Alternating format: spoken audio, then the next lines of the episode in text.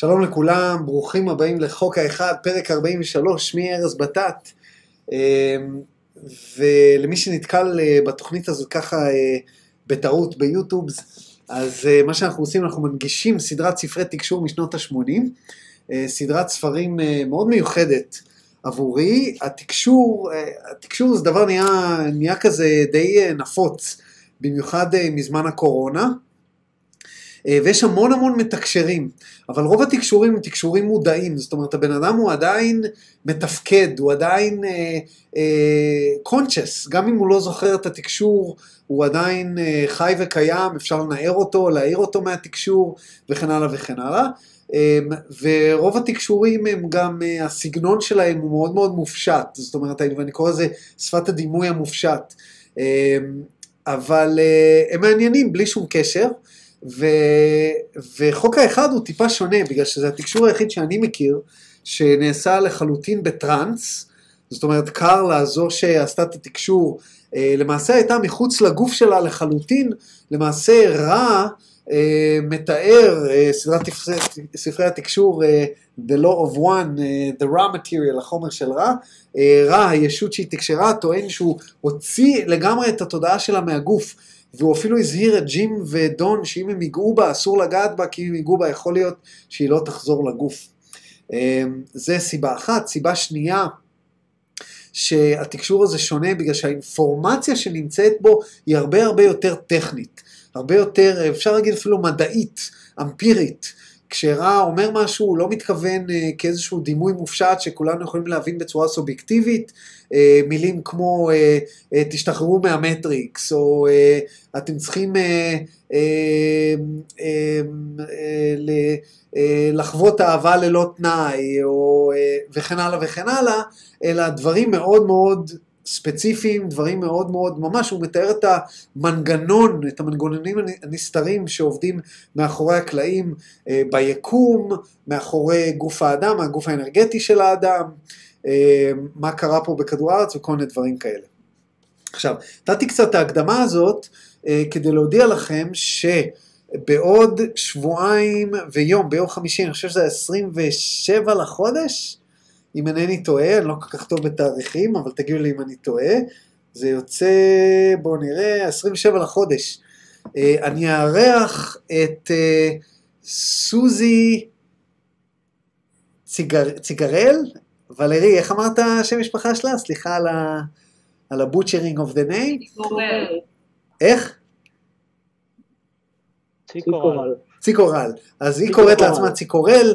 מייקל בלום תמיד קורא לה ציקור, אה, ציקורל, אז סוזי ציקורל, דיברתי איתה היום, היא אה, אה, תשמח לבוא לחוק האחד, יהיה עדיין שיעור ביום רביעי, אבל ביום...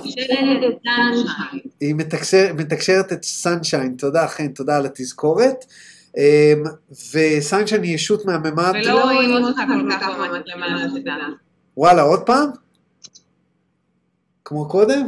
טוב, אין לי מה לעשות. עכשיו כן, אבל כאילו יש... סבבה, רק שתדע שזה...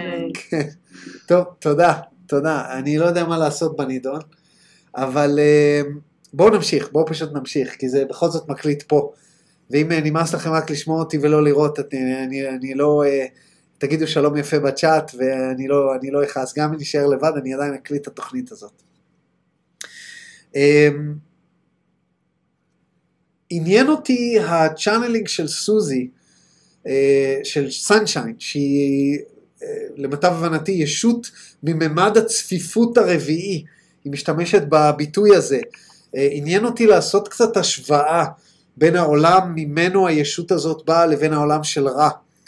אז אנחנו נעשה איזה סשן מעניין, אנחנו נראיין אותה, היא תעשה תקשור איתנו, היא תיכנס, זאת אומרת היא תתיר לסנשיין לדבר דרכה, ואני אה, אשאל אותה כל מיני שאלות. אז uh, למי שרוצה כבר מעכשיו להתחיל, uh, תחפשו ביוטיוב uh, סוזי ציקורל uh, או ציקורל, סנשיין, ותצפו בתקשורים, ואם עולים לכם כל מיני שאלות, אז תשלחו אותם אליי או בקבוצת השיח הפתוח, ואני uh, ככה ארכז אותם ואוודא שאנחנו לא חוזרים על שאלות וכל מיני כאלה. זה יהיה ב-27 לאוקטובר. אז זו הודעה אחת. הודעה שנייה, אה, אני רוצה להודות לכל מי שבא למפגש הקהילה שהיה בשבוע שעבר. אה, הוא היה פשוט יוצא מן הכלל, היו 27 איש, ואנשים חלקו כל מיני חוויות רוחניות שהם עברו, אה, והיה ממש פותח לבבות. אז יהיה מפגש נוסף בחודש הבא, ואני אעדכן אתכם, אני עוד לא יודע בדיוק מתי, אבל אני אכוון לאזור היום הולדת שלי, שזה היה באמצע החודש, אז נראה מה, נראה מה יקרה. זה הודעה מספר 2, ודבר שלישי שרציתי להגיד, זה למי שבאמת נתקל בנו וצופה בזה ביוטיוב בפעם הראשונה, זה לא יהיה פרק נורמלי. בדרך כלל מה שאנחנו עושים זה אנחנו עוברים על חומר מסוים, אה, כל מיני שאלות ותשובות, או בנושא מסוים שאני החלטתי, או ממש לפי סדר, כדי לכסות כמה שיותר, אבל היום אנחנו נעשה איזושהי חזרה רוחבית, ואולי גם דברים חדשים, יהיה קצת בלאגן. אז אה, בואו פשוט נתחיל. אז אני שאלתי היום בקבוצת השיח הפתוח, ביקשתי כל מיני אה, נושאים שרציתם שאני אעבור עליהם. ויש 1, 2, 3, 4, 5, 5 חמישה נושאים שהועלאו, למעשה שישה או שבעה, אבל אה, חמישה שלכאורה עברנו עליהם, אז בואו אני אדבר עליהם אחד-אחד. למעשה ארבעה, כי הראשון שאני אזכיר, נתבקשתי לדבר על מסך השכחה. אה, אז נראה באמת איך זה יעבוד, כל הנושא הזה של החזרה הרוחבית. אני, זה, זה פעם ראשונה בשבילי, אז אני אנסה לעשות את זה כמיטב יכולתי. אז מה זה מסך השכחה?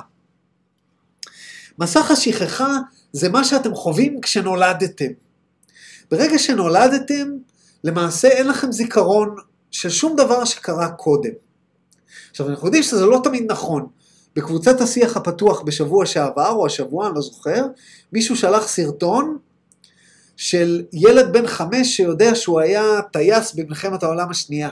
והוא נתן שמות, אני ראיתי את הסרטון הזה ממש מזמן, יש כמה סרטונים על הילדון הזה, ראיינו אותו בכל מיני רשתות טלוויזיה, והוא ממש נותן את השם של הטייס, והוא אומר מי הוא ואיפה הוא נפל ובאיזה מטוס הוא טס, וכל מיני דברים כאלה שילד בן חמש אין מצב שידע. עכשיו, זה לא התופעה היחידה, יש לנו הרבה הרבה תופעות והרבה הרבה סרטונים, אני חושב שלפחות שלושה נחלקו בקבוצת השיח הפתוח, אה, שמי שרוצה להצטרף יכול ללכת לבתת.com ולמצוא את הלינק תחת אה, קהילה. אה, אבל זה אומר לנו משהו, זה אומר שמסך השכחה הזה, שאנחנו נולדים איתו, יש לו חורים לפעמים. זאת אומרת, לפעמים אנחנו נזכרים בכל מיני דברים שקשורים בגלגולים קודמים. לפעמים יש לנו זיכרונות מגלגולים קודמים. יש אנשים שיש להם פצעים מגלגולים קודמים. יש אנשים שלדוגמה, אני במשך תקופה מאוד מאוד ארוכה לא הבנתי למה אני מפחד ממים. ותמיד חשבתי, אולי מתתי באיזה גלגול קודם בתביעה, אני לא יודע, לא יודע. אמ, לפעמים אנחנו מקבלים אינפורמציה על חיים קודמים, כל מיני כאלה. אה, אבל מסך השכחה זה איזשהו וייל, זה נקרא וייל of forgetfulness, ששמים עלינו, שהמערכת הבריאה הזאת שיש פה אה, בחלק שלנו של הגלקסיה, מתיישבת עלינו כשאנחנו נולדים. עכשיו, מה אפשר לדבר על מסך השכחה? אז יש כמה דברים שאפשר לדבר. קודם כל, למה? למה יש לנו מסך שכחה? שנית, האם לכל בן אדם, לכל ישות ביקום יש מסך שכחה? שלישית, למה? אני מסיק שזה לא היה בשבילי אה, מי שאמר משהו, ואם אה, כן, אז... אה, גלית, את, את איתנו או שאת מדברת עם מישהו אחר? שמתי, שמתי אותך במיוט, ניתתי אותך. אה, אז בואו נתחיל מהשאלה הראשונה. האם, מה, מה זה מסך השכחה הזה? למה, למה הוא קיים? בשביל מה? כל הרעיון ב incarnation, בגלגול הנשמות, באשליה הזאת, ב matrix הזה שאנחנו באים אליו, זה שנוכל לבחור, שיהיה לנו בחירה חופשית. הרעיון הזה של הרצון החופשי הוא מאוד מאוד בסיסי. ועל מנת שנוכל לבחור, אנחנו צריכים שלא יהיה לנו ידע קודם, שלא יהיה לנו ידע קודם של שום דבר. ומסך השכחה מחייב אותנו למעשה, אנחנו לא יודעים כלום. אנחנו לא יודעים שבאנו מאלוהות. אנחנו חשים באיזשהו משהו, אבל הוא נעלם לנו, הוא כבר לא קיים מבחינתנו. ואנחנו רשאים למעשה לבחור, לבחור במה אנחנו מאמינים. לבחור מה אנחנו רוצים לעשות. דמיינו לכם שהייתם מגיעים לגלגול הזה עם כל הידע, הייתם מחוברים לאלוהות, הייתם יודעים שאתם האלוהים, שאתם למעשה אלוהים רק חווה את עצמו, והייתם כבר יודעים מה עברתם בכל הגלגולים, ואיזה לקח, איזה שיעור באתם ללמוד בגלגול הזה. מה שווה? לא שווה כלום.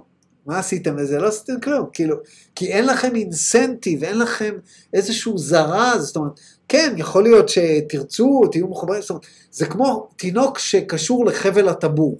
רע למעשה נותן לנו את הדימוי הזה. עכשיו, אנחנו יודעים שמסך השכחה הוא קיים רק בממד הדחיסות השלישי, או ממד הצפיפות השלישי, כמו שסוזי ציקורל קרא לזה, אז נשתמש במילה הזאת, צפיפות, להתחיל להרגיל אותנו למושג הזה. מה זה צפיפות? זה צפיפות של חלקיקי אור, דיברנו על כל הממדים האלה. אז רק בממד השלישי יש לנו מסך שכחה. הוא לא רלוונטי בכלל לממד הרביעי, לממד החמישי וכן הלאה וכן הלאה, זה ממדים שבהם אנחנו מחוברים אה, לידע האינסופי, מחוברים ל-infinite intelligence, אה, intelligent infinity וכן הלאה וכן הלאה. זאת אומרת שזה מצב מאוד מאוד ייחודי לממד הצפיפות השלישי, ויתרה מכך זה מצב שהוא ייחודי לאזור שלנו בגלקסיה. זאת אומרת, הוא קיים בהרבה מקומות בגלקסיה, אבל לא בכל מקום יש מסך שכחה. למעשה, רע מספר לנו שפעם לא היה הלוגוז, הלוגוז המקומיים וכן הלאה וכן הלאה, החליטו לשים את המסך שכחה כדי לשפר את חוויית הבחירה. עכשיו, אם זה לא נשמע לכם מוכר, זה בגלל שלא למדנו את זה עדיין. אז אני לא יודע מי זה היה ששאל על מסך השכחה היום, אבל בפועל לא למדנו על זה, ציינו את זה, הזכרנו את זה, אבל האינפורמציה על מסך השכחה למעשה מגיעה אה, בפרק, אה, בסשן מספר 76, ו-79 אה, סליחה, ועוד לא הגענו אליו. אז אם אתם זוכרים, התחלנו את הספר הרביעי בסשן מספר, לפי דעתי 76. ואז עברנו לסשן 77, ועוד לא הגענו לסשן 79. ובסשן 79 מתחיל הנושא של מסך השכחה, אבל אני אחלוק איתכם קצת מהאינפורמציה הזאת היום, בגלל הסקרנות, אז זה משהו חדש, אנחנו נקפוץ ל-79.6, שואל פה דון כדלהלן, הוא אומר, I would like to question about third density experience of those just prior to the original extension of the first distortion to the sublogoi to create the split of polarity. Can you describe in general the differences between the third density experience of these mind body spirit complexes and the one who have evolved up upon this planet in this experience that we experience now? מה שהוא שואל פה זה דבר כזה, הוא אומר, אני יודע, אתה אמרת לנו רע שהיה זמן שהייתה רק קוטביות אחת, רק קוטביות חיובית, והקוטביות השלילית בכלל לא הייתה קיימת. אז הוא אומר, אני רוצה שתסביר לי בבקשה את ההבדל בין החוויה בגלגול אה, לפני הספליט הזה, לפני הפיצול הזה, ואחרי. ורע אומר לו, תשמע, כבר כיסינו את האינפורמציה, I'm Ra, this material has been previously covered, please query for specific interest. תשאל משהו חדש. ואם אתם זוכרים, אנחנו גם כיסינו את, ה, את הדבר הזה. אה, ונכסה אותו גם עוד, כי כיסינו אותו ממש בקצרה. אבל קראתי לכם את השאלה הזאת בשביל השאלה הבאה. אומר דון, specifically, in the experience where only the service to others polarity in third density evolved from continued evolution into higher densities, was the veil that is drawn with respect to knowledge of previous incarnation, etc., in effort for those entities. פה דון מערבב שני דברים שלא קשורים לגמרי, והוא אומר דבר כזה, אני מנסה להבין האם, אה, הרי יש איזשהו פיצול בין אה, ישויות שהן מקוטבות חיובי לבין ישויות שהן מקוטבות שלילי. אה, אז שואל פה דון, הוא אומר, ספציפית אני רוצה לדעת, בחוויה כאשר רק היה שירות לאחרים, שלא היה שירות לעצמנו, שלא היה את הספליט הזה בין טוב ורע, בין מקוטב חיובית למקוטב שלילית. האם היה מסך השכחה? אז רע עונה לו, no, I'm רע, הוא אומר לו no. אז ממשיך דון ושואל, Was the incarnational process like the one we experience here, in which the third density bodies entered and existed for numerous times during the cycle? האם גם אז, שהיה רק קוטביות חיובית, האם גם אז נולדו ומתו, נולדו ומתו, ונכנסו כל פעם לגלגול? אומר לו רע, this is correct, זה נכון, גם אז היה גלגולים. אז אומר לו דון, is it possible to give a time of incarnation with respect to your years and um, would you do it so if it is? האם אתה יכול לתת לי טווח זמן לגלגולים האלה? כמה זמן היה כל גלגול כזה? בזמן שלא היה בחירה בין טוב לרע, בזמן שה, שכולם שירתו אחרים, דהיינו היה רק קוטביות חיובית? אומר לו רע, I'm רע, the optimal incarnative period is somewhere close to a measure you call millennium. This is, as you may say, a constant, regardless of the other factors of the third density experience. הוא אומר לו, תשמע, יש קבוע של משהו בסדר גודל של אלף שנה, וכמובן החיים הספציפיים בממד השלישי משתנים, משתנים בהתאם לבן אדם מת מוקדם יותר, מאוחר יותר.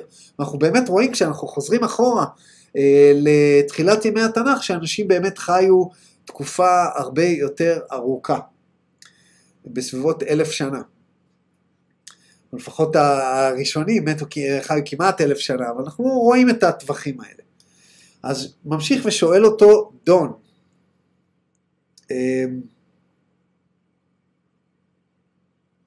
Then prior to the first extension of the first distortion of the veil or loss of awareness did, did not occur. Then, from this I will make the assumption that this veil or loss of remembering consciously that which occurred before the incarnation was the primary tool for, extend, for extending the first distortion. Is this correct? I'm ra, your correctness is limited. This was the first tool. דון שואל אותו, אז אני מבין בעצם שהכלי שבעזרתו פוצל העניין הזה של קוטביות חיובית, קוטביות שלילית,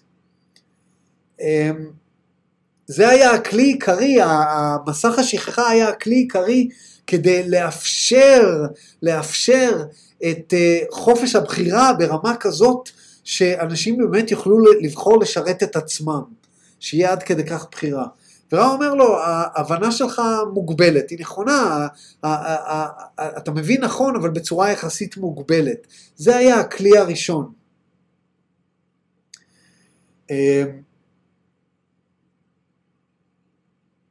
ושואל אותו פה, then from that, that statement I assume that the logos contemplating a mechanism to become what it was not first devised, the tool of separating the unconscious from the conscious during what we call physical incarnation to achieve its object, or its objective. Is this correct? הוא אומר לו בעצם, ורע עונה לו yes, הוא אומר לו בעצם, מה, מה שענית עכשיו אני מבין, שהלוגוס שפיתחו פה את, ה, את, ה, את החיים שלנו, החליטו החליטו על איזשהו מכניקה, איזשהו מנגנון, שלהפריד בין המודע לתת מודע, אוקיי? Okay, זה חשוב. בזמן גלגול הנשמות, כדי להשיג את המטרה הזאת, האם אני צודק? ורע אמר לו כן. למה רציתי לקרוא את הדבר הזה? למה זה חשוב? כי פה דון נוגע בדבר מאוד מאוד חשוב שאני קורא לו ההבדל בין השוחה לסוחלת.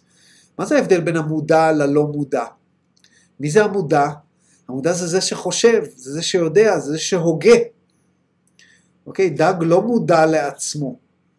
הוא, הוא, יש לו קלט חושי, אבל אין מודעות, אין מודעות עצמית, הוא מודע לסביבה, אבל לא מודע לעצמו. אנחנו מודעים לעצמנו. והמסך השכחה הזה, זה מסך שכחה בין המודע לתת מודע. מה זה אומר לנו? זה אומר לנו שהתת מודע יודע את כל הגלגולים שלנו. זה אומר שהתת מודע יודע למה אנחנו פה. זה אומר שהתת מודע יש לו גישה לכל האינפורמציה שהוא רוצה. זה אומר שמסך השכחה לא כולל את התת מודע שלנו.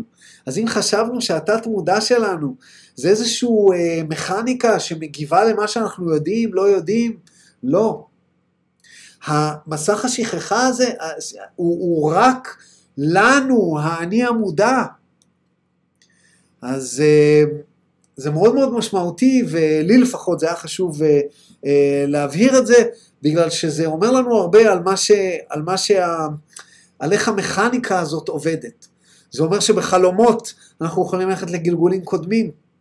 זה אומר שהתת מודע שלנו יכולה לכוון אותנו, או סוכלת כמו שאני קורא לה, יכולה לכוון אותנו כל הזמן, להחזיר אותנו לתלם, כל העולם כולו גשר צר מאוד, כל הזמן להחזיר אותנו לשיעור שבאנו ללמוד פה. אני זוכר לדוגמה, שהייתה תקופה בחיי כשעבדתי בקורפרט ועשיתי כסף טוב והכל היה נהדר, אה, לכאורה, אבל לא הייתי מאושר, וכל פעם היה לי חלומות שהייתי בסמסטר האחרון באוניברסיטה, ו, אמ, ו, והייתי בקורס האחרון, במבחן האחרון, בסמסטר האחרון, ביום האחרון, ו, ופתאום נזכרתי שכל הסמסטר וכל ה... לא הייתי בכלל בשיעורים, ואין לי מושג על מה המבחן, והזמן שלי אזל, והייתי מתעורר שטוף זיעה, והיה לוקח לי לפעמים עשר דקות לקלוט שיש לי תואר, שכאילו באמת הייתי באוניברסיטה והוצאתי תואר. והחלומות האלה חזרו על עצמם, וכל הזמן שאלתי את עצמי למה. וככל שעזבתי את אה, עולם הקורפרט והתחלתי אה, יותר לקרוא וללמוד, החלומות האלה לאט לאט נעלמו. ואני זוכר את החלום האחרון, אני זוכר אותו עד היום, החלום האחרון שהסוכלת שלי נתנה לי, ובחלום האחרון הייתי בבית ספר, חזרתי לבית ספר היסודי שלי, והייתי ביום האחרון של הלימודים, וזה היה לי מבחן באותו יום. אבל הייתי מבוגר, הייתי כאילו לכאורה מבוגר, אותו מבוגר שהולך לאוניברסיטה. ואני זוכר שהסתובבתי וחיפשתי את הכיתה שבה היה המבחן, ואז ראיתי ילדה קטנה. והיא הייתה בוכה, ובאתי אליה ואמרתי לה, מה קרה? והיא אמרת לי, אני לא יודעת איפה הכיתה שלי. אמרתי לה, בואי אני אקח אותך, וידעתי שאם אני לוקח אותה לכיתה, אני אפסיד את המבחן. אבל הייתה לי תובנה מאוד מאוד עמוקה, שאני לא צריך את המבחן. שאני לא צריך, זה לא משנה. תואר, לא תואר, זה כבר לא משנה. אה, וזו הייתה פעם אחרונה שחלמתי את החלום הזה שחזר על עצמו. אז לתת לכם ככה אינדיקציה על הנושא הזה של מסך השכחה, ועל ה, על כמה אנחנו בעיוורון, כמה אנחנו בעיוורון בגלגול הזה, אנחנו לא יודעים כלום. עד שנמות, עד הרגע שנמות, נחזיר את נשמותינו לעצמנו, נחזיר את נשמותינו לבורא, אנחנו לא נדע אם הארז צדק או ארז לא צדק, או אם מה ששמעתם בתקשור, או אם מה שאתם מתפללים בבית כנסת, אתם לא תדעו. כי מסך השכחה הוא אבסולוטי. עכשיו יש, אני יכול להגיד לכם שיש בכתבים העתיקים, אה, בתורת האקולט, אה, בהינדואיזם, אה, בכל מיני מקומות כאלה, כתוב שיש מצבים שהאדפט, התלמיד הרוחני המתקדם, ברגע שהוא הגיע להערה, מסך השכחה נעלם. עכשיו, האם זה נכון או לא נכון, אני לא יודע. אני לא בהכרח, נראה לי, ההיגיון אומר לי שזה לא בהכרח נכון לכל אחד, בגלל שאני לא חושב שלכל אחד שורש הנשמה שלו מחייב בהכרח שמסך השכחה ייעלם. בגלל לפעמים זה הסחת דעת. כאילו בשביל מה אני צריך, אם שורש הנשמה שלי זה לעשות משהו ספציפי פה, האם באמת אני רוצה לדעת כל גלגול וגלגול שהייתי בו, ויכול להיות. אני מכיר איזה מישהי שהיא אומרת לי, תשמע, אני משוכנעת שהייתי מלכת שבא. וסבבה, יכול להיות. אבל מה זה משנה, אז מקבלים אינפורמציה. אבל יכול להיות שאנחנו מקבלים את האינפורמציה גם בלי זה. זאת אומרת, יכול להיות שאנחנו מקבלים את האינפורמציה מישות של מלכת, יכול להיות שאנחנו מקבלים את האינפורמציה מהספרייה הכוללת מהאקשיק רקורדס. יכול להיות ששם החיבור. אנחנו לא יודעים. וזה לא כזה משנה. זה לא כזה משנה, אתם מבינים? אמ, אני יכול להגיד לכם שהיה לי ב-2014-2015 2013-2014, היה לי תקופה מאוד מאוד ארוכה של download, של אה, הורדות, של סיפור, סיפור שלם, שאני קורא לו אקו ותיה, סיפור sci-fi שלם, שהתחלתי כבר לכתוב, וביום מן הימים אני אסיים ואוציא אותו לאור, זה, זה תהליך.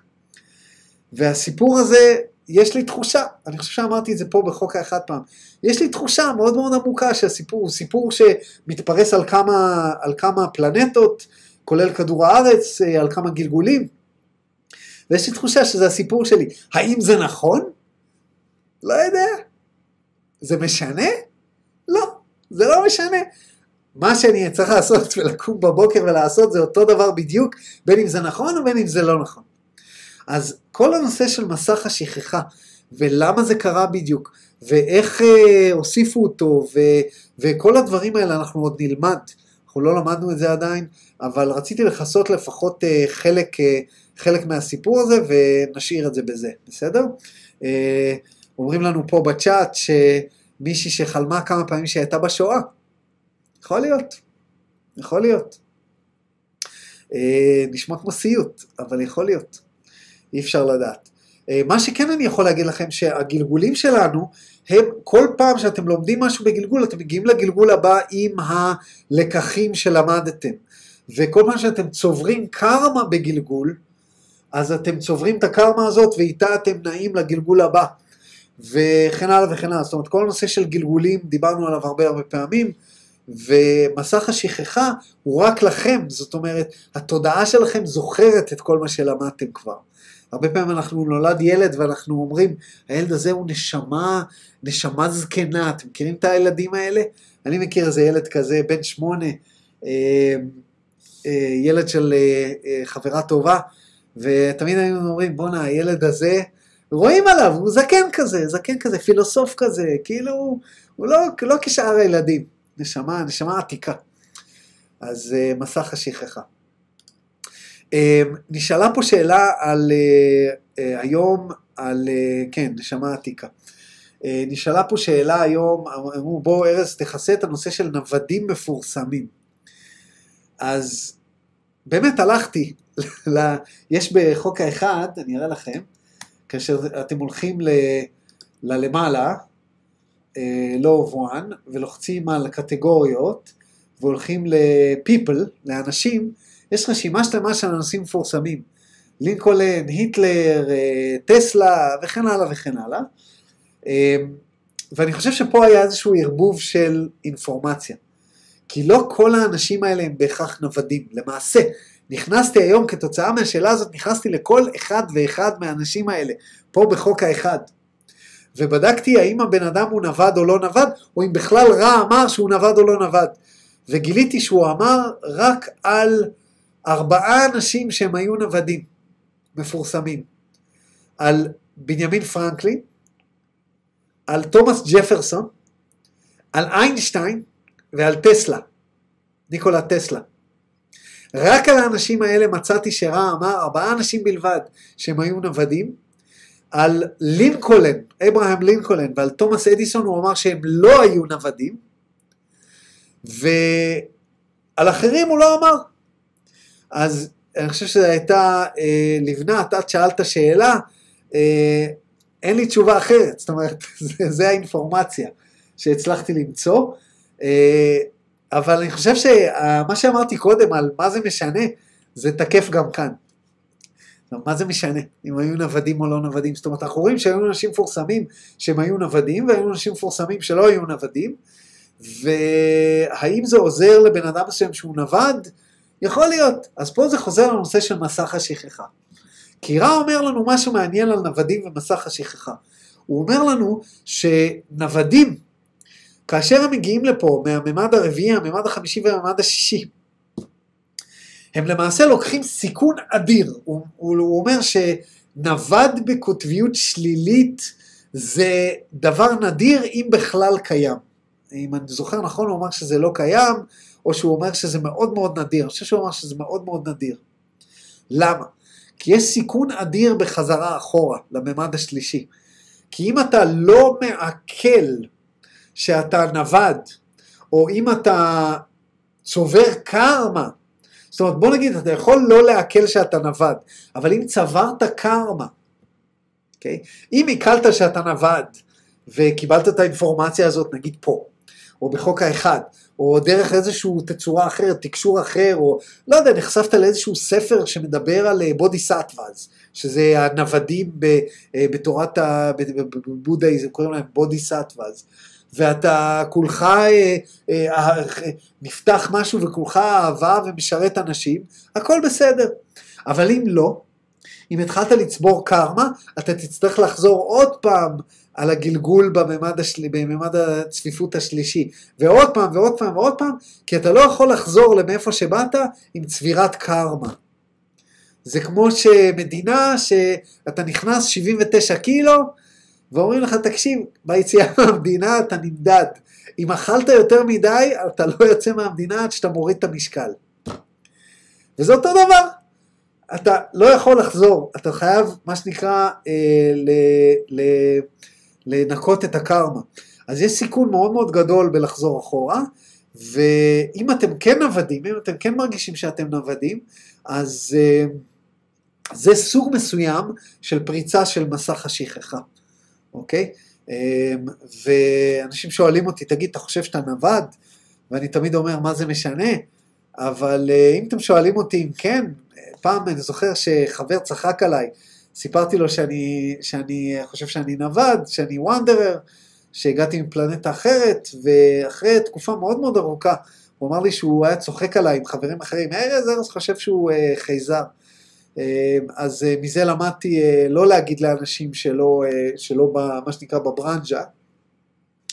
אז האם אני חושב שאני נווד? סביר להניח שכן. כאילו האינטואיציה שלי אומרת לי שכן. אבל זה לא, שוב, זה לא, זה לא משנה. זה לא משנה, אז uh, אני אתיר את זה, אני אתיר את זה כאן. Uh, ריפוי מבנה היקום, האבולוציה התודעתית. אוקיי. זה שלושה נושאים נוספים שרצינו לעשות כזה חזרה וכזה חזרה רוחבית. אז בואו נעשה ריפוי, בואו נלך אחד אחד, ריפוי, נעשה ריפוי, מבנה היקום ואבולוציה תודעתית. אז מה למדנו על ריפוי? אה, קודם כל, למי שרוצה לדעת, על, אה, נחזור רגע על הנושא של הנוודים, מי שרוצה לדעת עוד על הנושא של הנוודים, אה, עברנו על זה בפרק 11 ופרק 12 של חוק האחד של התוכנית הזאת. אז סתם ככה למי שרושם בצד ורוצה לדעת, זה הפרקים. הפרקים של הריפוי היו פרק 14, פרק 19 ופרק 20. ועברנו כל מיני נושאים ב, ב, בתחום הריפוי, אה, ואני אסכם את זה בצורה הבאה. אני אגיד דבר כזה. רגע, מה קרה פה? תמיד אני מצביע בכיוון ההפוך, לא לשכוח לעשות subscribe וללחוץ על הפעמון כדי לקבל הודעות ביוטיוב על, על כל פעם שאני מעלה אה, זה חדש. וזה חשוב לעשות את הלייק, תעשו גם לייק על, ה, על, ה, אה, על הסרטונים, גם אתם צופים ונהנים ואומרים לי ששלחתם לי אה, אה, וואטסאפ שאתם נהנים, תזכרו לעשות לייק, כי הלייק שלכם מעלה את הסיכוי שיוטיוב יראה את הוידאו למישהו אחר. אז בואו נחזור לנושא של ריפוי. אז ה, התחלנו את הנושא של הריפוי בפרק 14, והדבר הראשון שדיברנו עליו זה היה הסוגים השונים של המרפאים שיש, ושם הרע אומר דבר אה, מעניין, ואני אזכיר לכם, שוב, זה דברים שכבר אה, עברנו עליהם, אבל אני אזכיר לכם אה, משהו שרע אומר. הוא אומר ככה, אה, סליחה, לא 14, 4, בואו נשנה את זה ל... 4, 14.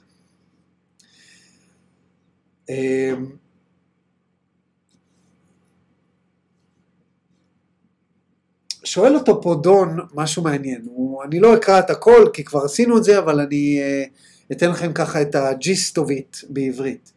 הוא אומר לו, תקשיב, האם דרוש על מנת שמישהו יהיה מרפא, האם דרוש שהוא ידע את חוק האחד, או שהאם בן אדם יכול לרפא בלי לדעת את חוק האחד?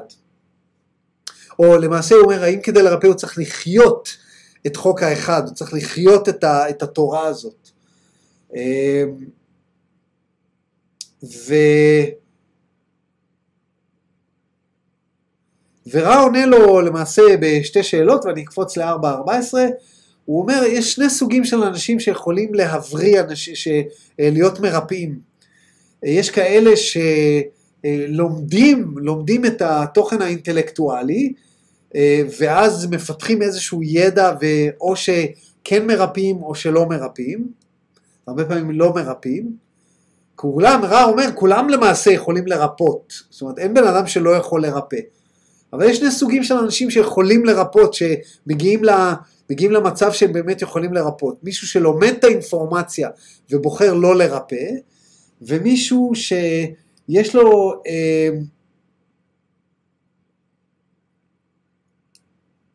שאין לו, לו איזושהי אה, משיכה ספציפית לידע הזה, אבל באיזושהי צורה הוא פתח איזשהו ערוץ לרפא בדיוק באותה צורה שאתה תלמד בצורה אינטלקטואלית. אבל הוא עושה את זה לבד, ויש המון המון אנשים כאלה, אני פוגש אנשים כאלה כל הזמן, אה, הילרים, שחלקם אה, מאוד מאוד טובים במה שהם עושים, חלקם פחות. אה, ורע אומר פה שלמעשה, הוא אומר פה, הנה הוא מדבר פה על הנושא של הסיכון. Uh, a further item of interest that those life does not equate their work might find difficulty in observing this energy of intelligent infinity and thus become quite distorted in such a way to cause disharmony in themselves and others and perhaps even find it necessary to seize the healing activity. זאת אומרת, הוא אומר, אם הבן אדם, הצורת חיים שלו, היא לא בשירות לאחרים והיא לא בהרמוניה ליכולות הריפוי שהוא קיבל, אז uh, הרבה פעמים הם uh, יתחילו להיות להם כל מיני בעיות, um, והרבה פעמים הם צריכים פשוט להפסיק את נושא הריפוי. Uh, ודיברנו על דניאלה, הבחורה מארצות הברית, שהיא נותנת לצ'אנל לעבור דרכה ולרפא, שבאמת היא מאוד מאוד מקפידה שבחיים שלה תהיה הרמוניה עם מה שהיא עושה. אז זה משהו ראשון שרציתי להזכיר לכם שלמדנו על ריפוי. דבר נוסף שרציתי להזכיר, אה, דון שואל אותו, איזה דברים אני צריך לדעת, תן לי מה שנקרא צמצום של התוכנית כדי ללמוד להיות הילר, כדי ללמוד לרפא. ורן נותן לו פה מה שנקרא סיכום כללי. הוא אומר, firstly, the mind must be known to itself. קודם כל אתה צריך ללמוד את שכלך שלך, איך עובד השכל, וללמוד את עצמך מי אתה, מה התגובות השכליות. עכשיו, רע לא מפרט פה יותר מדי, והוא אומר ש- this is perhaps the most demanding part of the healing work. The mind, if the mind knows itself, then the most important aspect of the healing has occurred, for consciousness is the microcosm of the law of one. פה רע רומז לנו למעשה שבהבנה השכלית, בהבנה השכלית נעוץ פה המפתח, המפתח להבנה של הריפוי. למה? בואו נראה את החלק השני ואת החלק השלישי ואז נבין למה. החלק השני, השני הוא אומר, the second part has to do with the disciplines of the body complexes. In the streaming reaching your planet at this time, these understanding and disciplines has to do with a balance between love and wisdom in the use of the body in its natural functions. הדבר השני, רע אומר שצריך לדעת, זה איך עובד הגוף. צריך איזושהי היכרות מסוימת עם הגוף, אבל הוא אומר, בזמן שאתם נמצאים בו, החשיבות פה זה איזשהו איזון אה, ביחס לגוף בין אהבה לחוכמה. מה זה איזון בין אהבה לחוכמה? בן אדם שמתעלל בגוף שלו, הוא לא אוהב את הגוף שלו. לעומת זאת בן אדם שמה שנקרא לא נותן לגוף שלו שום דבר רע במרכאות, אף פעם לא נותן לגוף שלו שום דבר שהוא אוהב. אז הוא, יש לו איזשהו חוסר איזון בין אהבה לחוכמה. זאת אומרת, האיזון בין אהבה לחוכמה, אם אתה אוהב את הגוף שלך ושומר עליו פיקס, פיקס, פיקס, אבל אתה אף פעם לא עושה עם הגוף שום דבר, אתה שומר עליו כמו בובה בחנו, בחלון ראוות, בחלון ראווה, אז אתה, אין לך איזון בין החוכמה לאהבה, זאת אומרת, צריך להיות איזושהי תובנה של הגוף, ואז הגוף גם יכול בפוטנציאל לפתח מחלות. זאת אומרת, זאת אומרת, רע רומז לנו כאן שהאיזון הזה בין אהבה לחוכמה, לאיך לטפל בגוף ואיך להשתמש בגוף, זה מאוד מאוד חשוב. הדבר השלישי שהוא אומר, the third area is the spiritual. And in this area, the first two disciplines are connected through the attainment of contact with intelligent infinity. והוא מבאר אחר כך, תזכרו זה בסשן מספר 4, עברנו על זה בפרק 14, הוא מבאר אחר כך שיש, שלכל חלק בגוף, כל חלק בגוף יש איזשהו, הוא קורא לזה סקרמנטל, יכול להיות שתכף נגיע לזה, שאני קופץ כזה קצת קדימה, יש איזשהו סקרמנטל value, זאת אומרת איזשהו ערך, ערך רוחני, זאת אומרת שיש אלמנט רוחני בהערה, להבין שהגוף הוא רק השתקפות, ונדבר על זה עוד, לפי דעתי סימנתי איזה משהו להגיע אליו. עכשיו, בואו נחזור לנושא של השכל. אז מה קשור פה השכל? בוא נניח שאתה מבין את האיזון של הגוף, של, של הגוף מבחינת אהבה וחוכמה, אהבה ותבונה, איך להשתמש בגוף. בוא נניח שאתה מבין שכל דבר בגוף הוא סמלי, אבל אתה לא מבין את הרעיון של למה אתה עצבני כל הזמן, ולמה הפיוז שלך קצר. איפה נופל הקטגוריה הזאת? בקטגוריה של השכל. כי השכל שלנו, רע רומז פה שהשכל זה למעשה מה שאנחנו קוראים לו consciousness, למה? כי הגוף הוא רק השתקפות, הגוף הוא רק אשליה. הגוף הוא רק אשליה. ה-consciousness מתחיל קודם כל בשכלי, אנחנו יודעים את זה אה, מעץ החיים. זה קודם כל חוכמה, בינה, יוצרים דעת, וכל השאר זה אשליה שמתחת. אז כל הנושא של מערכת הרגשות, כל הנושא של להבין את מנעד הרגשות שלנו ולאזן אותם, נמצא בשכל. העבודה היא שכלית, וזה אחת הטענות המרכזיות שיש לי עם תורות המזרח. תורות המזרח מתעלמות לחלוטין מה, מה, מעולם הרגשות בזה שהן אומרות, אתם צריכים להתעלם, אתם צריכים להתעלם, אתם צריכים להתעלם, צריכים כמה שיותר לחזור לרגע הנוכחי, כמה שיותר לשבת באום שנתי. אני כמובן אה, אומר את זה בצורה מאוד כללית, ואנשים יכולים אולי להתרעם ולהגיד זה לא נכון, כי יש המון המון אה, אה, אה, מורים רוחניים של תורות המזרח שמדברים על הרגשות. אבל בתורות עצמה, אם תסתכלו, הם לא מדברים איתכם על איזון הרגשות למעט אה, דרך המדיטציה. ובתורות המזר... המערב אנחנו לומדים שזה הפוך, שהדרך היחידה באמת להגיע לפתרון, לפתרון, לא על ידי הדחקה, לא על ידי מחיקה של החיבור, מה זה משנה אם אתה יושב במדיטציה כל הזמן, ואתה מגיע לאיזשהו אה, אום שנטי, ואתה, מה זה באום שנטי, חבל, ראיתי אנשים כאלה על ימין ועל שמאל בקליפורניה, אבל ברגע שהם אה, נמצאים מאחורי ההגה, או ברגע שהתלמיד שלהם אה, לא, מש, לא מביא להם את הכסף בזמן, או לא יודע מה, הם נכנסים לאטרף של עצבים. ואתה אה, רואה אותם מקללים, ואתה רואה אותם פה, ואתה רואה אותם... אז, אז, אז מה עשית בזה? זאת אומרת, יש איזשהו אלמנט של תובנה אינטלקטואלית, של יכולת שליטה במחשבות, שהיא מאוד מאוד חשובה, והיכולת של ההבנה העצמית, שהיא קריטית לפי דעתי. אה, והיא אה, משמעותית, וזה אחת הסיבות המרכזיות שאני משקיע כל כך הרבה זמן בללמד את כל הנושא של סוחל וסוחלת אה, בכובעיי האחרים. כי אני חושב שההבנה של השכל היא, קריטית, היא קריטית, ואנחנו כ, כ, כ, כבני אנוש לא מבינים בעצם איך עובד השכל שלנו, לא מבינים שאנחנו חווים את המציאות עם שני שכלים ולא אחד, וזה אני מביא לפה, זה לא, זה לא חוק האחד, למרות שחוק האחד רומז לזה בהמון המון מקומות, אבל דון אה, אה, לא ידע להרים את הכפפה שם. אה, אז התחלנו את כל הנושא של הריפוי בתובנה מה זה ריפוי. ואז, אם אתם לא יודעים אם אתם זוכרים, דון שאל את רע, האם תלמד אותי איך להיות מרפא? ורע ענה לו, we will, אנחנו נלמד. אבל למעשה, עם הזמן, הזמן, הזמן עבר, ודון לא ידע לשאול את השאלות הנכונות. היה לו ממש קושי לשאול את השאלות הנכונות, והם למעשה אף פעם לא עשו את הדבר הזה. הם אף פעם לא הגיעו בעצם לתכלס. אה, אבל היה כל מיני טיפים פה, טיפים כאלה ואחרים על נושא של ריפוי, ודיברנו באופן הרבה יותר אה, עמוק, לא, לא עמוק, אבל דיברנו באופן קצת יותר עמוק על נושא של אוכל, שנעבור עליו עכשיו, על נושא של ריפוי ממחשבות לא טובות, שזה קצת קשור למה שדיברתי כרגע, על נושא של רפואה אלופתית, שזה הרפואה המערבית, ועל נושא של הפירמידה והקריסטלים. אז בואו נזכיר קצת מה דיברנו בכל, בכל נושא. אז קודם כל הנושא של ריפוי ממחשבות לא טובות, כי דיברנו הרגע על השכל, ומחשבות לא טובות יכולות לגרום לנו מחלות. אנחנו יודעים שרע דיבר על הנושא הזה של סרטן, שסרטן אה, נגרם מכעס עצור.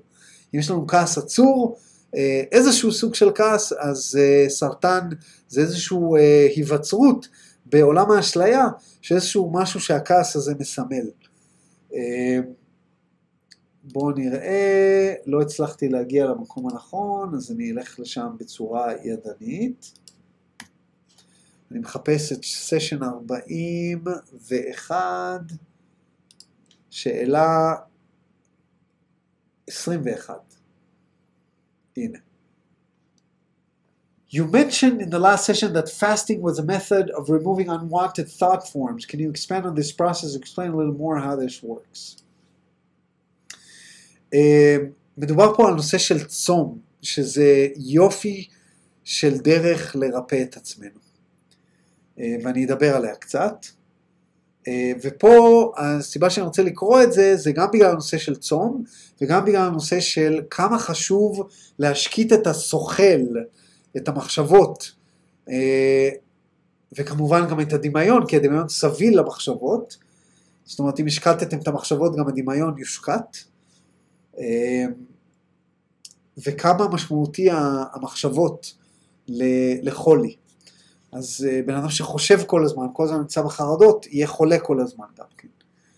I'm Ra. This, as all healing techniques, must be used by, the, by a conscious being. That is, a, a being conscious that the ridding of excess and unwanted material from the body complex is the analogy to the reading of the mind or spirit of excess or unwanted material. Thus, the one discipline or denial of the unwanted portion of an appropriate part of the self is taken through the tree of the mind down through the trunk to the subconscious levels where the connection is made, and thus the body, mind, uh, mind and spirit then in unison uh, express denial of the access or unwanted spiritual or mental material as part of the entity. All then falls away in the entity while understanding, if you will, and appreciating the nature of the rejected material as part of the greater self. Nevertheless, through the action of the will, purifies and refines the mind body spirit complex, bringing into manifestation the desired mind complex or spirit complex attitude. אז מה שרע בעצם בא ואומר לנו כאן, הוא אומר דבר כזה, אם יש לך תובנה שיש קשר ישיר, שיש קשר מומשל בין ה... להסיר את הדברים הלא רצויים בגוף לבין להסיר את הדברים הלא רצויים בשכל, אז אתה יכול לצום כהשאלה, כאיזשהו משהו משאיל, ולנתק מהגוף שלך את הדברים שלא רצויים לו. זאת אומרת, הצום נהיה איזשהו משל, איזשהו משל לכל הנושא הזה של להיפטר מהמחלה, להיפטר ממה שלא משרת אותי, להיפטר מהמחשבות הבלתי, הבלתי רצויות שגרמו לי למעשה למחלה הזאת. עכשיו אני יכול להגיד לכם באופן אישי שהנושא הזה של, אה, של צום אה, פתר אצלי המון המון בעיות, פתר אצלי אה, עייפות כרונית, פתר אצלי כמה אלרגיות, ופתר אצלי גם, אה, הייתי באותה תקופה בדיכאון קצת, פתר אצלי גם את הנושא הזה, ואובססיות לאוכל שהיו לי, כולן נעלמו כשהעצמתי. אה, וזה כלי אדיר ל, לריפוי. אני שמעתי על אנשים שריפו סכרת בעזרת צום, למעשה צום מתואר כאחת התרופות היעילות ביותר לסכרת, נדבר על צום מוחלט. שבו אנחנו לא אוכלים, שותים מים, אבל לא אוכלים שום דבר אה, במשך תקופה יחסית ארוכה, אה, ויש לזה חוקים, מתי כן לחזור, מתי לא לחזור לאכול, לא ניכנס לזה כרגע, אבל כל הנושא של צומות זה באמת אה, אה, נקודה מאוד מאוד חשובה. מציינים לי פה בצ'אט, שציינתי את הנושא של הצגת המדיטציה בצורה לא נכונה, וזה, וזה קצת נכון. זאת אומרת, אמרתי את זה כזה מהר, והצגתי את זה בצורה טיפה לא נכונה, אז אני, אני אנסה קצת, קצת יותר להסביר. אמ, כשדיברתי על הנושא של המדיטציה אה, במזרח, יש כל מיני סוגים של מדיטציה. יש מדיטציה שמסתכלת על המחשבה, יש מדיטציה שמסתכלת על דמיון, יש מדיטציה שמאמנת את הדמיון לאיזשהו אובייקט ואנחנו מתרכזים באובייקט הזה. יש מדיטציה של הסתכלות על הרגשות גם. אבל הרבה מהמדיטציות האלה זה מדיטציות שהתפתחו במערב והגיעו מהמזרח, מה, מה שנקרא מדיטציות המקור. רוב המדיטציות במזרח, הרעיון שלהם זה להפסיק את המחשבה לגמרי. זה הרעיון, זה הרעיון הבסיסי. ו, וזה נעשה על ידי, ברוב המקרים זה נעשה על ידי אה, אה, מה שנקרא הכרחה של מישהו פעם אה, פה הלך ל, אה, לויפאסנה. יש איזושהי טכניקה ואנחנו למעשה מכריחים את עצמנו להתנתק, להתנתק מה, אה, מהמחשבה על ידי כל מיני דברים, יש אה, כל מיני קלט חושי שאנחנו אה, לא נחשפים אליו, בלי סקס, בלי חומרים משנה תודעה, בלי אפילו יוגה אוסרים עלינו לעשות בוויפאסנה. וכחלק מהעניין הזה אנחנו לאט לאט לאט שולטים במחשבה. אז על זה אני מדבר, שיש סוג של מדיטציה שהיא, אני קורא לה מדיטציה מערבית, with a lack of a better term, שזה מדיטציית מחשבה. ושם דווקא אנחנו עושים בדיוק הפוך, אנחנו מתנתקים מהגוף על ידי מחשבה. זאת אומרת, אנחנו, המחשבה שם זה הדבר הנכון, ולא עצירת המחשבה, אבל זה מחשבה ברמה כזאת שבאיזשהו, שבאיזשהו שלב אנחנו מנותקים לגמרי מה, מהיקום הזה, מה, מהאשליה, אה, ועל זה אני מדבר, ויש יכולת אנחנו יכולים לרפא את עצמנו, אנחנו יכולים אפילו לפתח שרירים בעזרת המחשבה הזאת. ממש, אנשים שואלים אותי לפעמים, תגיד, אתה הולך לג'ים, אנשים, אה, אני יודע, בא לפה איזה אה, לקוח ייעוץ, ואני אה, הייתי עם, הייתי עם חולצה, עם גופייה, זה היה יום חם, הוא אומר לי, בואנה, אתה, כאילו, you don't look like it, כאילו, מה שנקרא, בזה. והוא אומר אתה הולך לג'ים? אמרתי, לא, אני לא הולך לג'ים. והוא לא שאל אה, שאלות נוספות, אבל אני יכול להגיד לכם שבמשך שנים עשיתי טכניקה, שניסיתי פעם לעשות איזה וידאו כזה, שמתי אותו ביוטיוב, שזה טכניקה של פיתוח גוף בעזרת המחשבה, בעזרת נשימות ובעזרת המחשבה, וזה עובד יפה. זה עובד מאוד מאוד יפה, אני לא יודע אם אה, זה לכולם, אבל, אבל זה עובד מאוד מאוד יפה. אז על זה דיברתי ואני מקווה ש, שהבהרתי את עצמי. אה, בואו נחזור לנושא הריפוי. אמ, בואו נדבר על מה לאכול. היה איזשהו מקום שרע אשכרה המליץ לנו מה לאכול. אה, כמובן שהוא עשה את זה באופן כללי, אה, אבל בואו נקרא ונראה. 40-14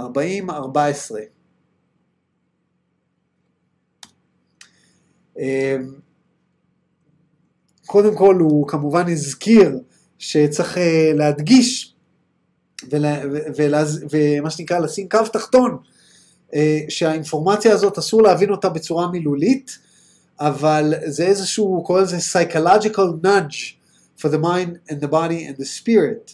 זאת אומרת, מה שהכי חשוב פה זה שאנחנו מטפלים בעצמנו, מטפלים בגוף כמו שצריך ומודעים למה שאנחנו עושים, אולי אה, עושים או לא עושים, והוא נותן כדוגמה את קרלה, את ה instrument. אז תיקחו מזה מה שתיקחו מזה לגבי ה, אה, הדיאטה שלכם. והוא אומר ככה, the vegetables, the fruits, the grains, into the, the extent necessary for the individual metabolism, the animal products.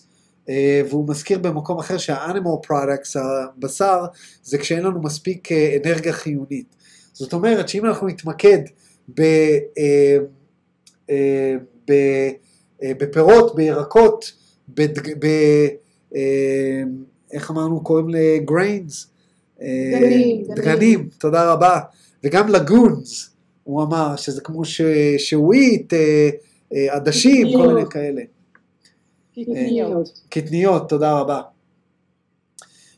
אז זה דברים טובים, ומדי פעם הוא המליץ, ושתי פעמים שונות הוא המליץ לקרלה מדי פעם לאכול בשר, כי היה חסר לה אנרגיה חיונית. Uh, these are those substances showing respect for the self. אם אנחנו אוכלים את הדברים האלה, אנחנו מראים שאנחנו מכבדים את עצמנו. אז מה שללנו? סוכר מעובד, uh, uh, בצקים למיניהם, uh, וכן הלאה וכן הלאה, דברים כאילו שהם ממש ממש לא טובים לנו. Uh, פה הוא מזכיר שוב כמה חשוב לקרלה uh, אני, those entities in need of purging the self of a poisoned thought form or emotion complex uh, do well uh, to take care of following a program of careful fasting until the destructive thought form has been purged uh, analogously. פה הוא חוזר על הנושא של הצום ומסביר שכאשר יש לנו הרבה מחשבות רעילות, לצום זה דבר, אני מכיר המון המון המון אנשים, וספציפית בחיי אפילו, אנשים קרובים אליי, שחולים, אנשים חול, חולניים, זה, זה, זה, sickly people, אומרים באנגלית, uh, uh, אנשים עם הרבה חולי, חולי פיזי, שאלוהים הם היו רק מסכימים שאני אוביל אותם בצום. עשר שנים היו מורידים מהחיים שלהם. אבל הקונספט הזה, לא לאכול, זה קשה, זה קשה, כי אתה צריך להתמודד, להתמודד עם השדים. אה, הוא גם מזכיר, אני לא זוכר בדיוק איפה, אבל אני זוכר שהוא הזכיר שהתעמלות זה דבר מאוד מאוד חשוב, התעמלות בבוקר, ואולי קצת לפני השינה גם כן. אז זה עוד דבר ש, שרע הזכיר בקשר לריפוי. Uh, הוא מדבר גם קצת על הרפואה האלופתית, ואני לא אקרא מה שהוא אומר, אבל בעצם מה שהוא אומר זה שרפואה אלופתית יש לה את המקום שלה, וזה מקום מאוד מאוד חשוב. זאת אומרת, לפעמים כאשר אנחנו צריכים להסיר כאב, או לאפשר לעצמנו איזשהו מקום אה, כדי לרפא את עצמנו בצורות אחרות, הרפואה האלופתית יכולה מאוד מאוד לעזור ואף להציל חיים.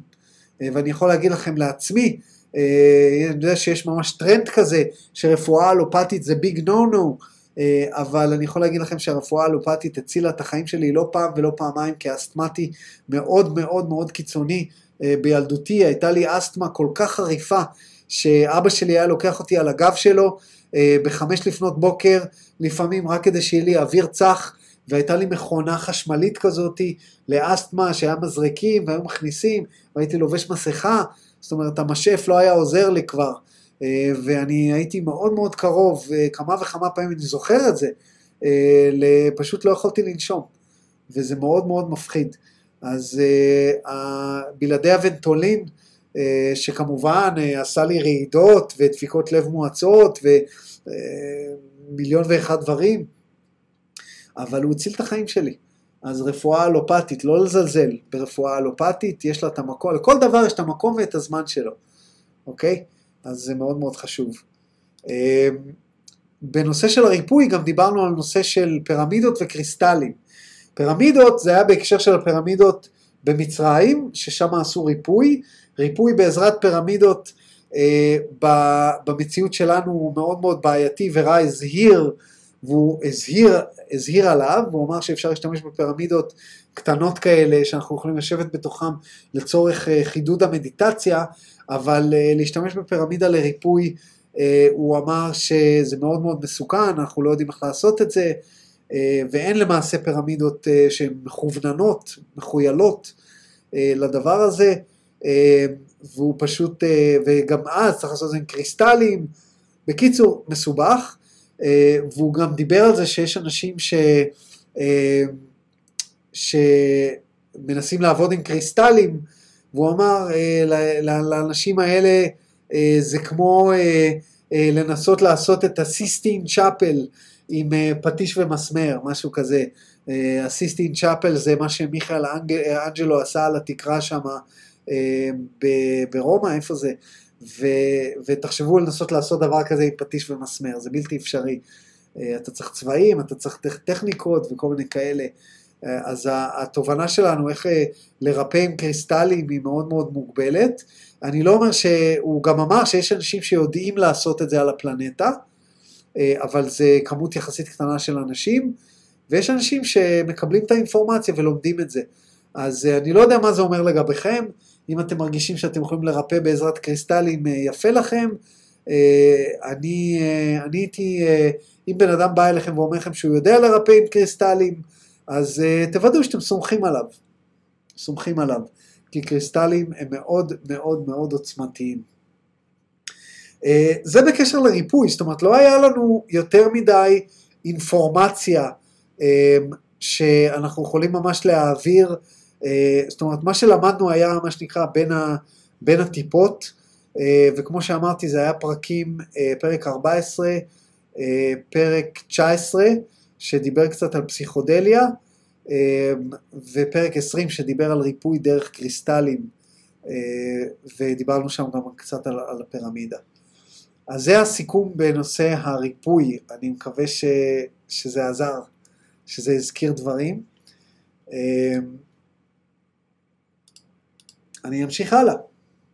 בואו נדבר על מבנה היקום. כשמדובר במבנה היקום, אה, דיברנו, אני אעשה את זה ממש ממש מהר, דיברנו על דרגות מסוימות. כי אני רוצה, אני רוצה היום גם לתת לכם משהו חדש. אז אנחנו נדבר על הנושא הזה ו, ונראה.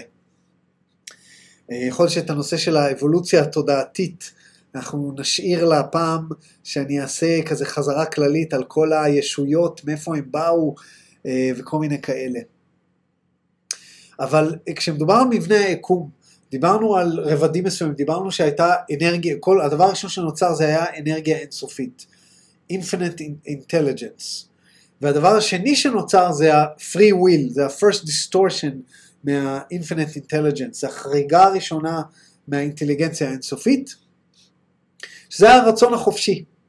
זאת אומרת, הרצון החופשי מושתת פה מה, מה שנקרא מ, מ, מהבסיס, מהבסיס. מה קרה על הרצון החופשי? על הרצון החופשי היה אנרגיה אינטליגנטית, זאת אומרת, מהרצון החופשי נוצרה אנרגיה אינטליגנטית, אנרגיה אינטליגנטית לדוגמה זה בין היתר חומר, אה, היקום כולו, אנחנו יכולים לקרוא לזה הביג אה, גלקסיות, כל מיני כאלה, ונוצר מה שנקרא סאב לוגוז. אז היה את הלוגוז, זה הישות שיכולה להשתמש באנרגיה האינטליגנטית, אה, באינטליגנציה האינסופית ליצור אנרגיה אינטליגנטית ולעשות לה מניפולציה. ואז נוצרו סאב לוגוז שיצרו גלקסיות, ולדוגמה סאב לוגוז שלנו, שזה מערכת השמש שלנו, שיצרה גלקסיות עבורנו, אה, שיצרה את הגלקסיה שלנו, אה, ויש את הסאב סאב לוגוז שיצרו מערכות שמש, כמו השמש שלנו, אה, ועל כל זה אנחנו צריכים לשים את הנושא של ממדי הדחיסות. ממד דחיסות ראשון שזה צמחים, שזה מינרלים, ממד דחיסות שני שזה צמחים וחיות, ממד דחיסות שלישי שזה אנחנו בני האדם, וממד רביעי, ממד חמישי שאנחנו לא יודעים כל כך מה קורה שם, ממד שישי וממד שביעי שהוא ממד החזרה ללוגוס שלנו לשמש. וזה, אנחנו מבינים שהממדים האלה זה אצל כל היקום, זאת אומרת, לכל סאב לוגוז יש את הדבר הזה, זה לא שאם נולדתם באיזושהי גלקסיה אחרת אז לא יהיה את הממדים האלה, הממדים האלה זה משהו שהוא בכל מקום, בכל מקום. אה, ואז יש את הנושא של הבחירה החופשית כן או לא, יש מקומות מסוימים שיש בחירה חופשית ויש מקומות מסוימים שלא, אה, ואנחנו למעשה משקפים את כל הדבר הזה בתוכנו במרכזי האנרגיה, בשבעת מרכזי האנרגיה, בשבעת הצבעים וכן הלאה וכן הלאה. אז אה, זה ככה, מה שנקרא, על קצה הסרגל, הנושא של החזרה על מבנה היקום. אני לא כך ידעתי למה התכוונתם כשאמרתם מבנה היקום, אז, אז זה העניין. עכשיו דיברנו גם על הנושא של כל היקום כולו הוא למעשה אשליה. דהיינו חומר הוא למעשה אור דחוס. מה ההבדל בין חומר לחומר? מה ההבדל בין הקבלה הזאת לבין uh, השלט הזה? ההבדל היחיד, או לבין המים האלה שאני שותה, ההבדל היחיד הוא בדחיסות, בדחיסות ובמהירות הוויברציה של חלקיקי האור. זאת אומרת, חלקיק אור שמסתובב במהירות מסוימת, יהיה לו צבע אחר, יהיה לו מצב צבירה אחר, אנחנו נראה אותו, אנחנו נחוש אותו כחומר שונה, אבל למעשה הכל עשוי מאור. למעשה, רע אומר לנו שהיקום עצמו בנוי רק משני מרכיבים, מאור ומודעות שעושה לו מניפולציה. אוקיי? זאת אומרת שכל ה-infinite intelligence זה למעשה אור. ואנחנו בקבלה קוראים לזה כלי. אנחנו לוקחים כלי ואנחנו סוגרים את האור בצורה מסוימת כדי שיהיה לנו איזושהי צורה.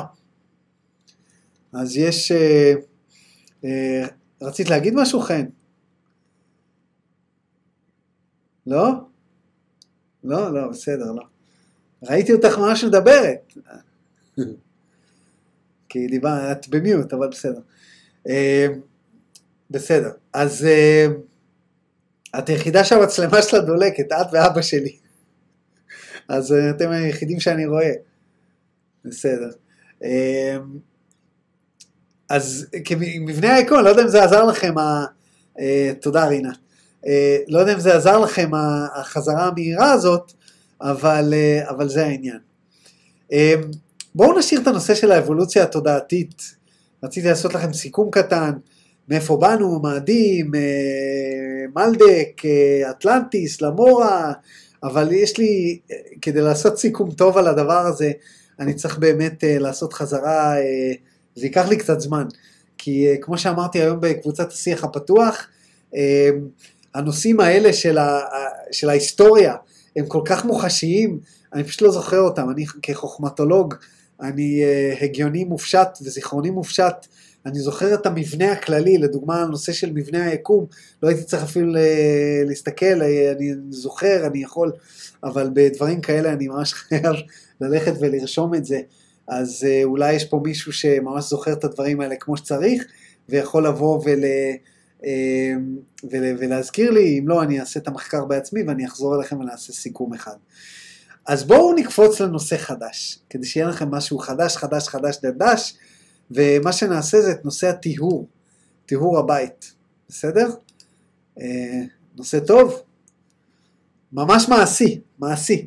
זה מספר מספר 4, אה, בואו נקפוץ לשם בסשן מספר 95, ממש לקראת הסוף. 95.5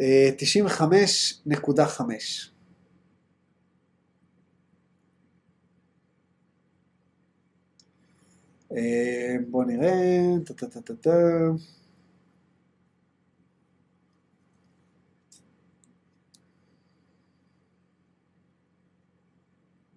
יכול להיות שאני צריך לחזור ממש אחורה.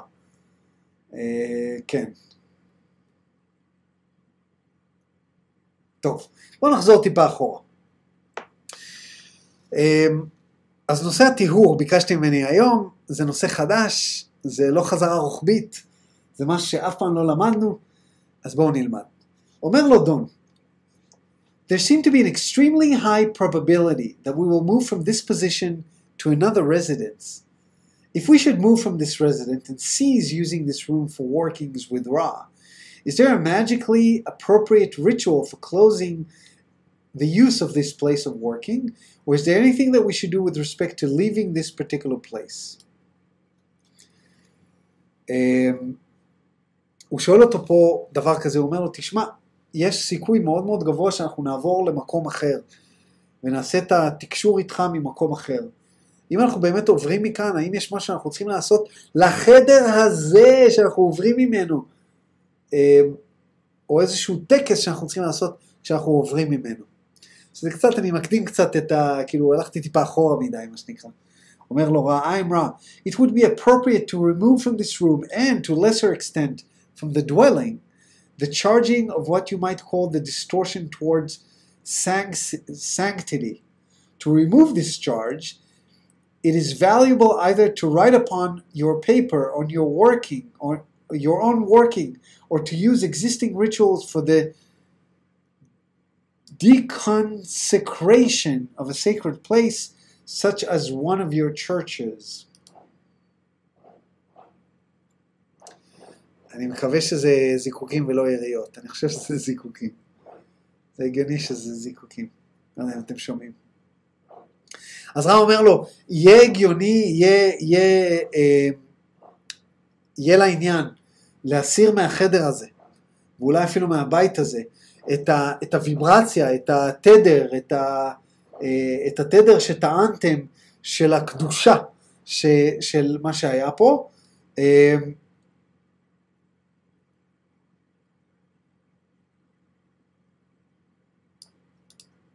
deconsecration.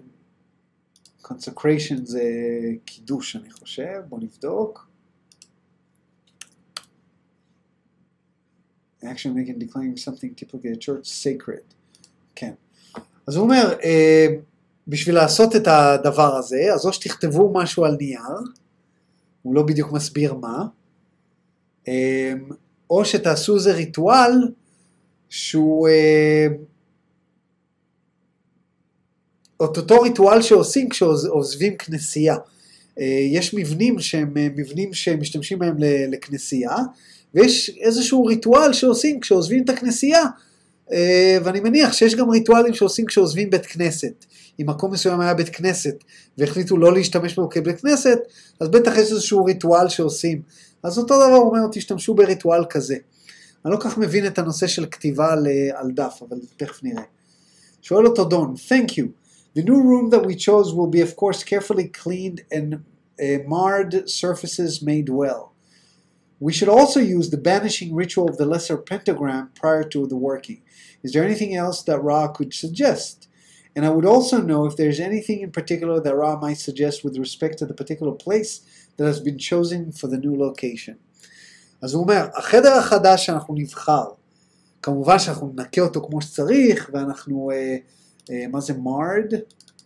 אה, מרד, אנחנו אה, אה, נתקן את הדברים שלא יפים, נעשה את זה כמו שצריך, אה, כל. המשטחים שהם לא יפים, אנחנו נסדר, נעשה אותם יפים, אנחנו גם נשתמש בטקס הזה שדיברנו עליו כבר בעבר, שנקרא Banishing Ritual of the Lesser Pentagram, לפני שנעשה סשן איתך. אבל האם יש משהו אחר שאתה ממליץ, והאם יש משהו שאתה ממליץ שאנחנו יכולים לעשות אה, לבית הספציפי הזה, למקום החדש הזה, ש, שאנחנו הולכים לעבור אליו? עונה לו רע, I'm raw. We scan the recent memory configuration of the questionnaire. Firstly, there, there has been some less than harmonious interaction within this dwelling. The dynamics of this interaction were potent enough to attract lesser thought form. Therefore, we suggest the salting and ritual cleansing by blessed water of all windows and doorways, which offer adi- uh, which offer Add it. Add it. Add it. Uh, which offer added into the domicile or any outbuildings therefore. הרב אומר לו פה דבר כזה, הוא אומר לו, תשמע, קודם כל, אה, אה, סרקנו את הזיכרון, את הקונפיגורציות של הזיכרון של הבן אדם ששואל. למה? כי רא צריך לדעת על איזה מקום הוא מדבר. איך הוא ידע על איזה מקום הוא מדבר? הוא צריך לסרוק את הזיכרון שלו, כי obviously דון היה במקום הזה. אז בזה שהוא סורק את הזיכרון שלו, הוא יודע על איזה מקום מדובר. הוא אומר לו דבר כזה, במקום הזה שאתה רוצה לעבור אליו, הייתה איזושהי אינטראקציה אה, לא הרמונית שקרתה במקום הזה. כנראה איזשהו ריב, לכו תדעו, מי יודע, אתם עוברים לבית חדש, אין לכם שמץ של מושג מה קרה שם. אולי היה שם רצח חס ושלום, או אולי איזושהי, איזשהו ריבים נוראיים, אתם מכירים את זה שאתם נכנסים למקום ואתם מרגישים שהמקום הזה, האנרגיה שלו לא טובה. אז רע אומר לו, המקום הזה, האינטראקציה חסרת ההרמוניה שקרתה שם, משכה איזשהו, קורא לזה uh, lesser thought form, מחשבות לא טובות ש, שהוויברציה שלהם עדיין נמצאת במקום הזה, לכן אנחנו מציעים שתעשה את הטקס של ניקוי על ידי מלח ומים. ושל כל החלונות והדלתות וגם כל הפתחים למעשה, אפילו פתחים של ערובה או כל מיני פתחים שמהם יוצאים מים ונכנסים מים לתוך הבית. וממשיך רע. Further, we suggest the hanging of the cut garlic the cut garlic clove in the portion of the room that the, which has accommodated those whose enjoyment has turned into a darker emotion, centering upon the area we find you call the wet bar. also, the room intended for the sleeping, which is found near the kitchen area. The appropriate words used to bid farewell to those of the lower astral should be used in connection with the hanging of the garlic, the garlic cloves for the period of approximately 36 of your hours. We believe that this is equivalent to two of your night periods and one of your lit periods. This should cleanse the, ho- the house as you find it to the extent that it is natural in its vibration, neutral in its vibration. We suggest that you then request of this living entity that now be welcoming and absorbent for the vibration of harmony, love, and thanksgiving, which this group shall then, as the incarnational experience proceeds, offer to the domicile. Domicile. domicile. רע אומר לו דבר כזה, הוא אומר לו, תקשיב, קודם כל אנחנו, אנחנו גם מציעים, בנוסף, אנחנו מציעים לתלות שום, לתלות שום בחלק, אה, בחדר, באזור שבו ה... רגשות לא טובים, רגשות שליליים, רגשות חושך, היו הרבה, וספציפית באזור שיש wet bar. Wet bar זה בארצות הברית, לפעמים יש בבתים אה, אזור כזה שאנשים בונים בשביל בר, ממש בר לאלכוהול. אז כנראה היה שם בטח במרתף או איזשהו מקום, בדרך כלל עושים את זה במקום בחדר צדדי או בחדר למטה, עושים איזשהו מקום שהוא מקום של בר, תולים כוסות, כל מיני כאלה, אז כנראה היה שם הרבה ויכוחים, הרבה רגשות לא טובים. אה, וגם הוא אומר לו בחדר אה, שהשתמשו בו לשינה ליד המטבח. אה, עכשיו, מה אכפת לנו? אנחנו לא מכירים את הבית הזה, למה זה חשוב הדברים האלה? כי זה נותן לנו תובנה שאנרגיות נשארות כאשר אנחנו נמצאים באיזשהו, אה, אם אנחנו אה, בבית מסוים היה היכות הילדים לדוגמה. אם אנחנו נלך לבית הזה, האנרגיה שם קיימת, חיה ונושמת. ושוב, יש אנשים שמסוגלים להרגיש את הדברים האלה. אני אישית נכנסתי לבתים, הייתי בעסקי הנדל"ן במשך כמה וכמה שנים, אה, קניתי כמה וכמה properties, מכרתי כמה וכמה properties. אה, יש בתים שאתה נכנס וזה נורא ואיום, אתה, אתה מרגיש את זה, אתה מרגיש את זה. הבית ריק, אין כלום, אין כלום. ואתה מרגיש את זה, הבית הזה לא טוב. אז רא אומר, יש פה כמה דברים שאפשר לעשות, אפשר לעשות את, ה, אה, את הטקס של המלח והמים, שתכף נבין יותר מהו, כי דון הולך לשאול עליו, ולתלות שום עכשיו אנחנו מכירים שום, אנחנו יודעים ששום אה, בכל הסרטים על הערפדים, הערפדים לא יכולים להתעסק עם שום, נכון? זה ערפדים, אני צודק? אה, שום, יש משהו בשום שהוא אה, מסלק ויברציות לא טובות. אולי זו הסיבה שאני אלרגי, אלרגי לשום שום, כי בשום שום אין שום שום, לא יודע, חשבתי על זה פעם. אבל בשום יש, הוא דוחה ויברציות לא טובות. אה, אז אה, הוא אומר לו, לתלות את השום, ותוך כדי שתולים את השום להשתמש במילים שנפרדות לשלום, מהוויברציה הלא טובה, מה, מהישויות האלה אה, של ה-lower astral, של העולם האסטרלי הנמוך, המחשבות הן ישויות של עולם אסטרלי נמוך יותר, והוא אומר לעשות את זה, לתלות את זה ל-36 שעות, לילה יום לילה.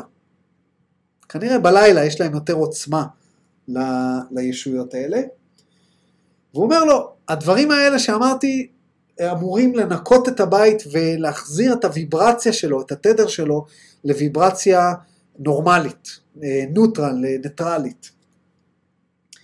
ואנחנו מבקשים ואנחנו מציעים אה, שתבקשו מהבית, הבית היא ישות חיה, בית הוא ישות חיה, תבקשו ממנה אה, שתהיה, שתזמן ו, ותספוג אה, ויברציות של הרמוניה, של אהבה, של תודה, של הודיה,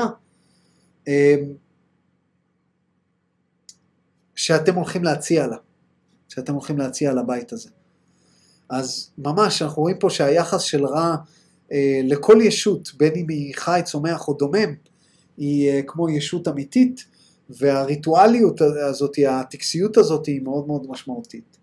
שואל דון, I'm assuming that we would prepare the blessed water the same way we prepare the water for the instrument to drink after a session, and then would wipe the windows and doors with this water.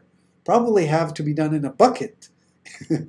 and I would like to know if this is correct and what was meant by salting of the windows and doors. אנחנו דיברנו אז על זה שרע אמר, תיתנו לקרלה לשתות, אחרי כל סשן תיתנו לה לשתות מים שברכתם אותם באהבה, ותודה לכל מי שהדליק את המצלמה. זה נחמד לראות אתכם. כשאני מסתכל לפה אני מסתכל עליכם. כשאני מסתכל לפה אני מסתכל על הדפדפה, כשאני מסתכל לפה אני מסתכל על חור שחור במצלמה. אמ, המים האלו, הוא אמר, תחזיקו אותם ביד, תברכו אותם באהבה ותיתנו לקרלה לשתות. אז uh, זה הריטואל. אז דון אומר, אתה אומר לי לעשות ריטואל עם מים ומלח. אז אני מניח שאת המים האלה אני צריך לעשות בדיוק אותו דבר, אז כנראה הוא מדבר לעצמו קצת גם, הוא אומר, אני, טוב, אני צריך דלי בשביל זה, כי זה כמות רצינית של חלונות, דלתות, כאילו, אני צריך דלי, צריך לברך מים בדלי. והוא אומר, ועל מה אתה מדבר עם המלח? כאילו, מה, למה אתה מתכוון? עונה לו רע. I am Ra. Firstly, you may bless the water yourselves or may request so-called holy water from any blessed place. That is, blessed by intention. Secondly, the water shall be carefully shaken from the fingers along the seals of all windows and doors as they have been opened. Thirdly, prior to the sprinkling of this cleansing, blessing sacrament of water, the salt shall be trailed along these seals in a line and again allowed to exist in this configuration for 36 to 48 hours. Then the virgin broom may ritually sweep salt out of each window and doorway, sweeping with each stroke, with each stroke, unless the less fortunate of the vibration within the dwelling, which might find coexistence with, with your group difficult. פה הוא ממש מתאר לו מנגנון איך לעשות את זה. הוא אומר לו, קודם כל המים, אתה יכול לברך אותה בעצמך, או לקבל מים שמישהו אחר בירך, זה לא משנה. העיקר שהמים בורחו. שנית, אתה לוקח את המים ואתה מכניס את האצבעות לתוך המים ואתה מנענע את המים בקצות האצבעות שלך על אה, עדן החלון וסף הדלת, כאשר פתחת את החלון, פתחת את החלון, מנער את האצבעות על סף החלון, סף הדלת, פתחת את הדלת, מנער, מנער את המים, אבל לפני כן תשים פס של מלח, פס של מלח על מפתן הדלת, פס של מלח על מפתן החלון, אה, ושם אתה מנער את המים, ואז אחרי 36 או 48 שעות תיקח מטאטא נקי, מטאטא, מטאטא בתול, הוא אומר, virgin broom, ותטאטא את זה החוצה, תוך כדי שאתה אה, מתכוון בטיטו שאתה מסלק החוצה את הוויברציות הלא לא טובות, לא נעימות, שלא יהיה בהרמוניה עם הקבוצה שלכם. שיהיה להם קושי עם הוויברציה של הקבוצה שלכם. אה, זה אומר לנו משהו, זה אומר לנו משהו על הפרופרטי של, של, של מלח. מלח סופג, המים ומלח, השילוב שלהם זה שילוב מאוד מאוד עוצמתי. אה, מלח הוא קריסטל, מים זה קריסטל אה, נוזלי, אז יש למלח את היכולת לספוג את הוויברציות הלא טובות, ומשהו בשילוב של המים שבורחו עם המלח, המים המבורכים למעשה הם, הם אלה שעושים את, ה, את הגורמים לוויברציה לבוא אל המלח, והמלח הוא זה שסופח, סופח אליו את הוויברציה. ממשיך דון ושואל, I assume that you mean that we should put the salt on the outer doors only, not the inner doors of the house. Is this correct? אני מניח שאתה מתכוון שנשים את המלח רק בדלתות החיצוניות של הבית ולא בדלתות הפנימיות בין חדר לחדר. רע עונה לו, נכון, this is correct. We cannot express the nature of salt and water and garlic with clarity enough to inform you as to the uh, efficacy with which salt absorbs vibration which have been requested to move into salt when salt has been given water. Okay? We cannot express the full magical nature of your water, nor we can, exp- can we express the likeness and attractiveness of the garlic cut to lower astral, uh, the garlic cut to lower astral forms.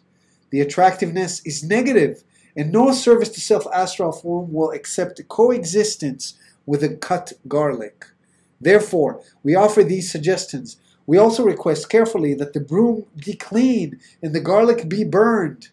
The virginity of the broom is most efficacious. Efficacious. רק רציתי לקבל גולד סטאר שאמרתי את זה כמו שצריך. זה, זה תשובה, זה אחד הדברים שאני, שאני קורא ב, בחוק האחד, ועושה את ההבדל בשבילי בין חוק האחד לתקשורים אחרים. בתקשורים שאני קורא להם, ה, אה, אה, אה, נותנים, לנו, נותנים לנו איזושהי פילוסופיה, תקשורים המודעים, כמו לדוגמה של סוזי אה, ציקורל. שזה תקשורים נהדרים, יש המון המון אנשים שמתחברים אליהם ועוזרים להם נורא. אני מכיר איזה מישהי בארצות הברית שרק אתמול אמרה לי, אני מאזינה בימים האחרונים, אני מאזינה כל הזמן לאברהם speaks של, אה, איך קוראים לה? אברהם speaks של, אה, שכחתי את השם של האישה הזאת.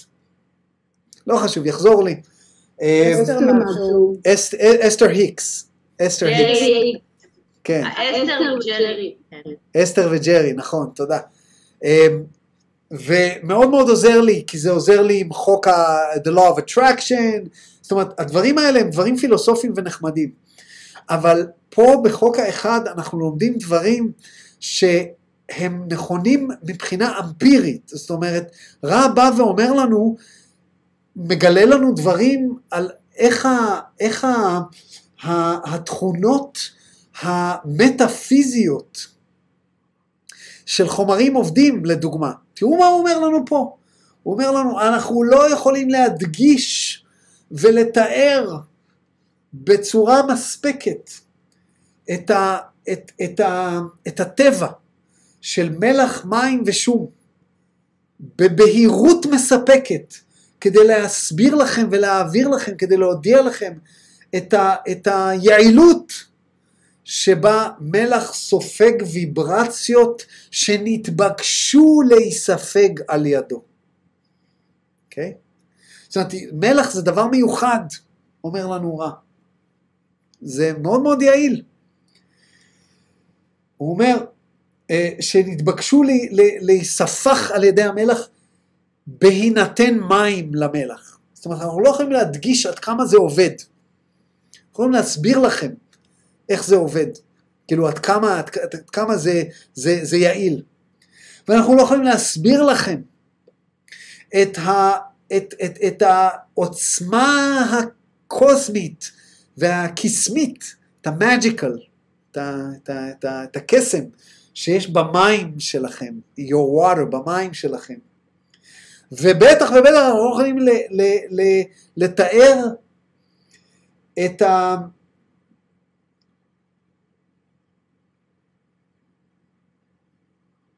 את ה-likeness ו-attractiveness, הוא קצת מבלבל פה, הוא אומר, את, ה, את המשיכה וה, את, את, את, את, את הוויברציה של המשיכה שיש לשום לישויות תחתונות, לישויות נמוכות, ישויות מ, אה, אה, אה, מה-lower astral world, אוקיי? הוא אומר, המשיכה הזאת היא שלילית. No service to self astral form will accept coexistence with garlic cut. הוא אומר את זה, לכן אני תמיד אומר שרע מדבר בהיגיון מופשט.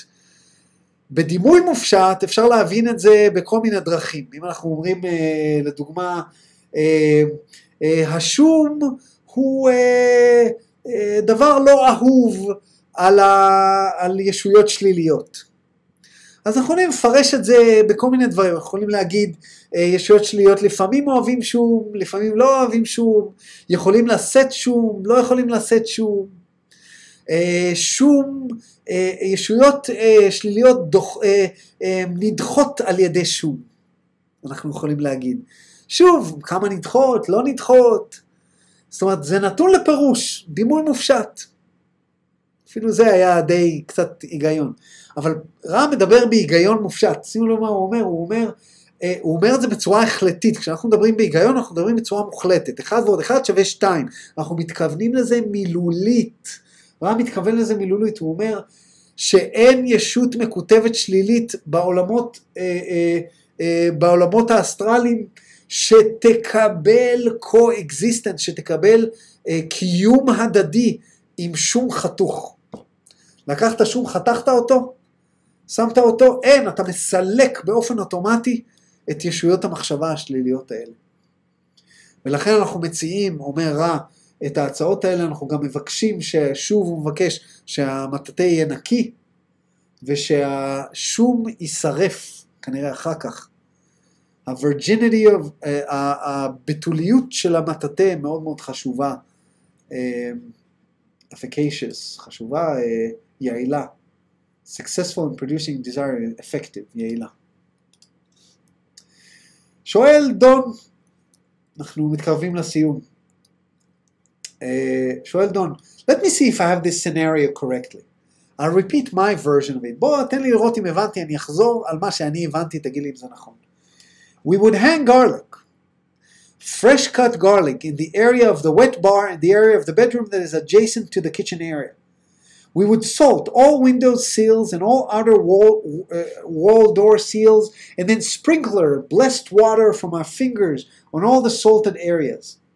We would then say appropriate things, words to bid farewell to the lo- to lower astrals. Those words I'm not sure of. Would Ra recommend on the scenario I've just stated? דון פה למעשה חוזר על כל מה שהוא אמר, הוא אומר, אתה, אתה אומר לו לקחת שום, לחתוך אותו, שום אה, טרי, לחתוך אותו, לתלות אותו באזור של ה-wet bar, באזור של החדר שינה ליד המטבח, שזה שני המקומות שרע אמר שצריך לתלות. אה, עכשיו, מה תעשו אתם, אם אתם לא יודעים באיזה חדרים לתלות, נגיד עברתם למקום חדש, אתם רוצים לטהר אותו, או רוצים לטהר את הבית שלכם, הבית שלכם, אתם נמצאים בבית, אה, משהו לא עובד בבית, אתם מרגישים שיש אנרגיה לא טובה בבית, אולי היה פה מישהו, אולי לא היה פה מישהו, לא יודע. איפה תתלו? תלו בכל החדרים, הבית שלכם יסריח איזה כמה ימים, מה קרה? תלו בכל החדרים את השום, אה, אבל לתלות אותו במקומות שאתם מרגישים ש, ש, שדרוש. ואז הוא אומר, אנחנו נזרה מלח על אה, אה, עדן החלון ומפתני הדלת, ואז אנחנו ספרינקל, אה, נתיז מים מהאצבעות שלנו על המלח, תוך כדי שאנחנו אומרים, אומרים שלום, מברכים לשלום את הישויות המחשבה מהעולמות הנמוכים, אבל אנחנו לא, אני לא בטוח איזה מילים להגיד, האם אתה יכול להגיב על מה שאמרתי. במילים אחרות הוא מבקש מרע שיגיד לו מה להגיד. בואו נראה מה רע עונה. I'm Ra. Your grasp of suggestions is good. התובנה שלך, של ההצעות שלנו, of our suggestions, היא טובה. הטובה. ההבנה שלך של ההצעות שלנו היא טובה. We note that the salt be poured in a straight line with no gaps. There are various ritual words of the blessing and farewell to entities such as you are removing. We might suggest the following. הוא אומר לו, אנחנו רוצים לציין שהמלח צריך להישפך בקו ישר בלי רווחים. זה חשוב. לא טיפה מלח, טיפה מלח, טיפה מלח, קו ישר בלי רווחים. ויש מילים מסוימות לריטואל, אומר לו רע, שאפשר להגיד לישויות האלה, אנחנו מציעים את המילים הבאות. When the salt is laid, you may repeat, we praise the one creator which gave salt the ability to enable those friends to which we wish to bid farewell to find a new home. As the water is sprinkled, you may say, We give thanks to the one Creator for the gift of water. Over it, the Creator moves its hand and stirs its will to be done. The hanging of the garlic cut may be accompanied by the words, We praise the one Creator for the gift of garlic and bless its ability to offer to those friends to whom we wish to bid farewell the arrow which points their way of egress. Egress. Egress. Loki Balti Goldstar. When the sweeping is done, you may say we praise the one creator and give thanksgiving for the spiritual cleanliness of this dwelling place. As the garlic is burned, you may say, We give thanks to the one Creator for the gift of spiritual cleanliness in our dwelling place, and seal the departure of those who have left by this exit by the consuming of this substance. פה אנחנו לומדים הרבה הרבה דברים מאחורי הקלעים. אומר לנו רע, המילים שאנחנו יכולים להגיד הם כדלהלן. ומהמילים אנחנו לומדים דברים על הבריאה. אנחנו לומדים, כשאתה שם את המלח בשורה הישרה, אתם זוכרים, בשורה הישרה הזאת, אתם יכולים להגיד, אנחנו מהללים את אלוהים, את הקדוש ברוך הוא, את היוצר האינסופי, איזה מילה שיש לכם לאלוהים. שימו לב איך זה מסתדר עם כל דת, זה לא משנה איזה דת. זה ברכה. זה לא, לא, הברכה היא לא כזאת, הברכה, זה ברכה. אנחנו מהללים את היוצר, מהללים את, ה, את האלוהים, נתן לנו מלח. נתן למלח את היכולת לאפשר לחברים האלה שלנו, שאנחנו רוצים להגיד להם שלום, למצוא בית חדש. כי הרי המלח הוא הבית החדש של הישויות האלה. אז הברכה היא, אנחנו מהללים את היוצר שנתן למלח את היכולת לאפשר לחברים שלנו למצוא בית חדש. כשאתם עושים את המים, ככה עם האצבעות, אתם יכולים להגיד, אנחנו נותנים, אנחנו אה, מברכים בתודה, אנחנו מעניקים תודה, מברכים בתודה, אנחנו מודים ליוצר, we give thanks, אנחנו מודים ליוצר, מודים לאלוהים על מתנת המים. על המים היוצר מניע את ידו ומניע את רצונו, מערבב את רצונו להיות. Okay? Uh, steers its will to be done. מניע את ידיו, uh, uh, מניע את רצונו על מנת שיהיה, שיקום ויהיה. עכשיו שימו לב איך זה מתקשר לסיפור הבריאה. בסיפור הבריאה יש לנו את הנעת המים. אתם זוכרים? Uh, זה מתקשר לנו גם. מה כתוב בספר בראשית? יהי רקיע בתוך המים, ויהי מבדיל בין מים למים, ויעש אלוהים את הרקיע מתוך המים, בעזרת המים, והבדל בין המים אשר מעל הרקיע בין המים אשר, אה, מתחת לרקיע בין המים אשר מעל הרקיע. ואז הוא אומר, ויקבו המים, זאת אומרת, כל העשייה, כל הבריאה התחילה ממים, מאיזושהי, מרצון האלוהים, מהדיבור. עכשיו, מי זה האלוהים? אתם מתפללים לאלוהים. אמרנו כמה פעמים, אמרנו עוד, אנוכי אדוני, אתם היוצר. ברגע שאתם אומרים את המילים, זה אתם שעושים את זה. הוא לא אומר לכם, תגידו לי, ליוצר שיעשה את זה, אתם עושים את זה בעצמכם. אתם היוצר. אז אם אין לכם את האמונה שאתם היוצר, אז תגידו, תודו למשהו הזה מחוץ לכם. אבל זה אתם, זה אתם במתכונת אחרת, בוויברציה אחרת. ממשיך רע, הוא אומר, כאשר אתם תולים את השום, תגידו, אנחנו מודים, אנחנו מהללים את היוצר על מתנת השום, ו... אמ, ומברכים את היכולת של השום להציע לחברים האלה שלנו, שאנחנו רוצים להגיד להם שלום, חץ שמראה להם את הדרך of egress. מה זה egress? למדתי מילה חדשה. The action of going out of leaving a place. egress, egress.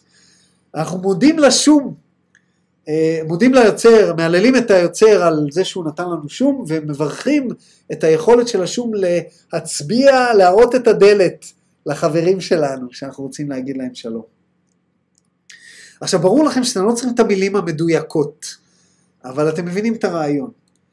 The hanging of the garlic, כאשר אתם תולים את, אה, אה, כאשר, סליחה, כאשר אתם מטאטאים את המלח החוצה, אתם יכולים להגיד, אנחנו מהללים את היוצר, אה, את היוצר, מהללים את אלוהים, אה, ונותנים תודה, מעניקים תודה, אה, מודים, אה, על הניקיון הרוחני של המקום הזה, של בית המחיה הזה. וכאשר אתם שורפים את השום, תגידו, אנחנו מודים ליוצר, מודים לאלוהים, על המתנה של הניקיון הרוחני בביתנו, ואנחנו חותמים את היציאה ואת העזיבה של הישויות אה, שעזבו את המקום על ידי זה שאנחנו, על ידי צריכת השום, על ידי זה ש-consuming, consuming זה לא רק צריכה, זה, זה איחול, על ידי האיחול של השום. על ידי consuming, על ידי איחול של החומר הזה. אוקיי? Okay?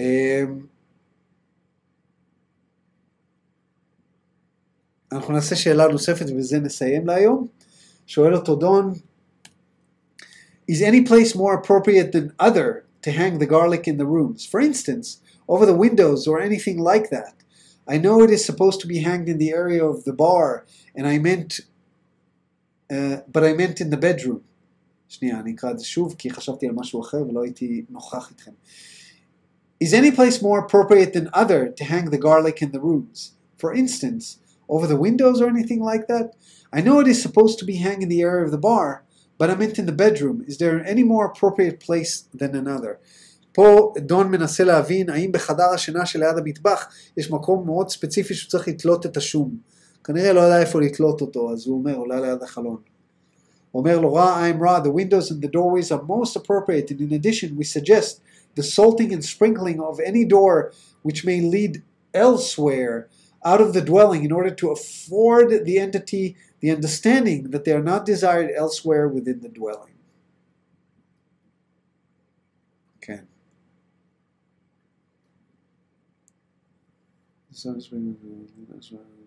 כן. פה אה, רע חוזר על הנקודה שכשאתה מטאטא, תטאטא את המלח החוצה, אה, והוא אומר לו שאכן בחלונות ובכניסה לחדר אה, זה המקום הכי טוב לתלות את השום. אה, אני רוצה לראות אם יש פה אה, דברים נוספים על המים. אני לא חושב, אז אנחנו פשוט נשאיר את זה ככה ואנחנו נחזור לזה כשנעבור לדברים. אז אני רוצה לתת לכם איזשהו טיפ. אה, תמלאו אמבטיה במים. תנקו את האמבטיה טוב טוב, תמלאו אמבטיה במים. ת... תברכו את המים, תברכו את המים, באיזושהי צורה שאתם רוצים לברך את המים. ותשימו מלח בתוך המים. ותבקשו שם, ותברכו את המלח שיספוג את, ה... את האנרגיות הלא טובות, הוויברציות הלא טובות מהגוף שלכם. אתם מכירים את זה שעושים אמבטיה עם אפסום סולטס, מלחי אפס, אפ, איך קוראים לזה? לא יודע איך קוראים לזה בעברית, אפסום סולטס. אני בטוח שיש לזה שם בעברית. ותיכנסו בפנים, אבל תגידו את המילים, תחזרו על המילים שרע אומר בסשן 95 בעברית, או באנגלית, ותיכנסו, ותיכנסו לתוך המים, תטבילו את עצמכם בתוך המים, מים חמימים ונעימים, תהיו שם קצת זמן, ותצאו ותשטפו את עצמכם טוב טוב, ותורידו את המים, ותראו איך תרגישו, ותראו איך תרגישו, אוקיי? Okay. לי אין אמבטיה, אז אני לא יכול לעשות את זה, אבל uh, זה ככה. מה הפואנטה פה בכל הסיפור הזה? שלמים יש כוח מיוחד, זה לא סתם. שלמלח יש כוח מיוחד, זה לא סתם, שלשום יש כוח מיוחד. אז uh, למדנו משהו מאוד מאוד מעשי היום, ואני מקווה שנהנתם. מלח אנגלי, אפסום סולט זה מלח אנגלי, באמת. ללכת לים המלח. טוב, ללכת לים המלח, יוסף, אה, זה רעיון טוב, אבל אם הוא כבר ספג ויברציות של אחרים, אז אתה נכנס לים עם הוויברציות. אתה לא יכול להוריד את המים בים המלח. כן. אה, טוב, אז אה, אני אקבל מכם פידבק אה, מאחורי הקלעים, אני בטוח, על איך עבד החזרה הזאת, החזרה הרוחבית, אם היא עבדה, אם היא לא עבדה, אני בסך הכל מנסה, אה, מה שנקרא to accommodate לספק איזשהו רצון שמישהו, שכמה אנשים העלו, אז אני לא יודע אם עשיתי את זה או אם לא עשיתי את זה, ואיך זה יהיה, שבוע הבא אנחנו נחזור למתכונת רגילה, ואם זה עבד טוב, אז תגידו לי ונעשה נושאים אחרים, אנחנו כמובן נעשה את הנושא של, תודה, אנחנו כמובן נעשה את הנושא של האבולוציה התודעתית, כזה איזשהו סיכום של ההיסטוריה של כדור הארץ, מאיפה הגיעו כולם, של ישויות שונות ביקום, כל מיני כאלה. אני אתכונן לזה ונעשה את זה, אני לא, לא, לא בטוח מתי. נראה לי שגם את הקטע הזה של, ה, של המלח והמים, אני פשוט אחתוך מה...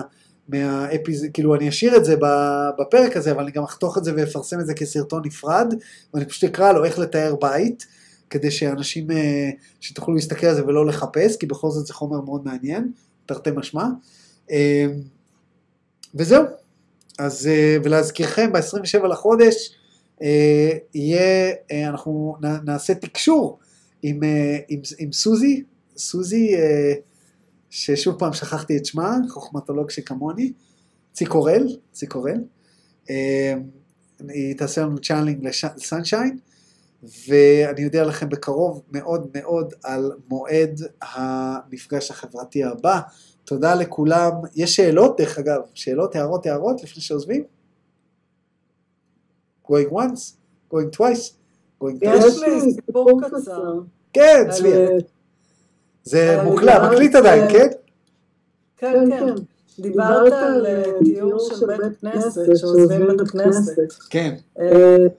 יש לי חברה שהייתה גרה בבית שכור בהוד, ולפני שהיא עברה לבית, כולם הזהירו אותה שכל מי שגר בבית הזה חוזר בתשובה. והיא צחקה, היא אמרה, לא, אין מצב, אני מחכה לחזור בתשובה. היא חזרה בתשובה, חזרה בתשובה. וואלה. כן. כן. עד הסוף, כאילו, רגע, והבית הזה היה בית כנסת? הבית הזה באיזשהו שלב שימש כבית כנסת שם ביישוב. ואין לי מושג, עשו תיאור, לא עשו תיאור, אבל היה שם משהו בבית הזה. מה את אומרת? טוב, עכשיו השאלה, מה בא קודם, הביצה או התרנגולת? האם היא חזרה בתשובה כי היא הבית, או אם היא חזרה בתשובה כי נשתה לה הנרטיב? כן, או שהיא נמשכה לבית הזה בגלל שהיה לה מסלול לחזור תשובה. לא, לא, זה- מח- במסלול הלמדה. אולי, יכול להיות, יכול להיות שהבית הזה מושך אליו אנשים שכבר היו אמורים לחזור בתשובה, זאת אומרת שזה לא הבית מחזיר בתשובה, אלא, כן, יפה. אוקיי, כן, נהדר. כן, תודה על הסיפור, צביה. עוד משהו מישהו רוצה לומר?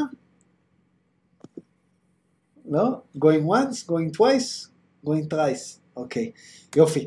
אז אני מודה לכם שהצטרפתם, סליחה על התקלות הטכניות שהיו בהתחלה, אה, ואני מקווה, ראיתם אותי טוב? זאת אומרת, הסתדר העניין? כן. כן, יופי. על הכיפאק, פעם הבאה אני אוודא שאני מאתחל את המחשב לפני. אה, האמת שתראו, היה תראו, בערב. מה זה? שמחה. היה מצוין, תודה רבה. תודה לכם. אתם יודעים שגם לי היה היום רמז, ולא הקשבתי לו. אה, הייתי בשיח עם מיכאל בלום, שדרך אגב אה, עומד לראיין אותי שוב, למי שמעוניין, הוא יראיין אותי בנושא הזה של חוק האחד. ו- והוא אמר לי, אני, לפני שאנחנו עושים את הזה, אני מאתחל את המחשב. ואני זוכר שכשהוא אמר את זה, אמרתי לעצמי, אולי אני אתחל את המחשב היום לפני הלא-וואן. אמרתי, לא, לא, אני רק אסגור את האפליקציות. אז הנה, חטפתי כאפה. אה, טוב, אז לילה טוב לכולם, נשיקות, ונתראה בשבוע הבא, וחג שמח.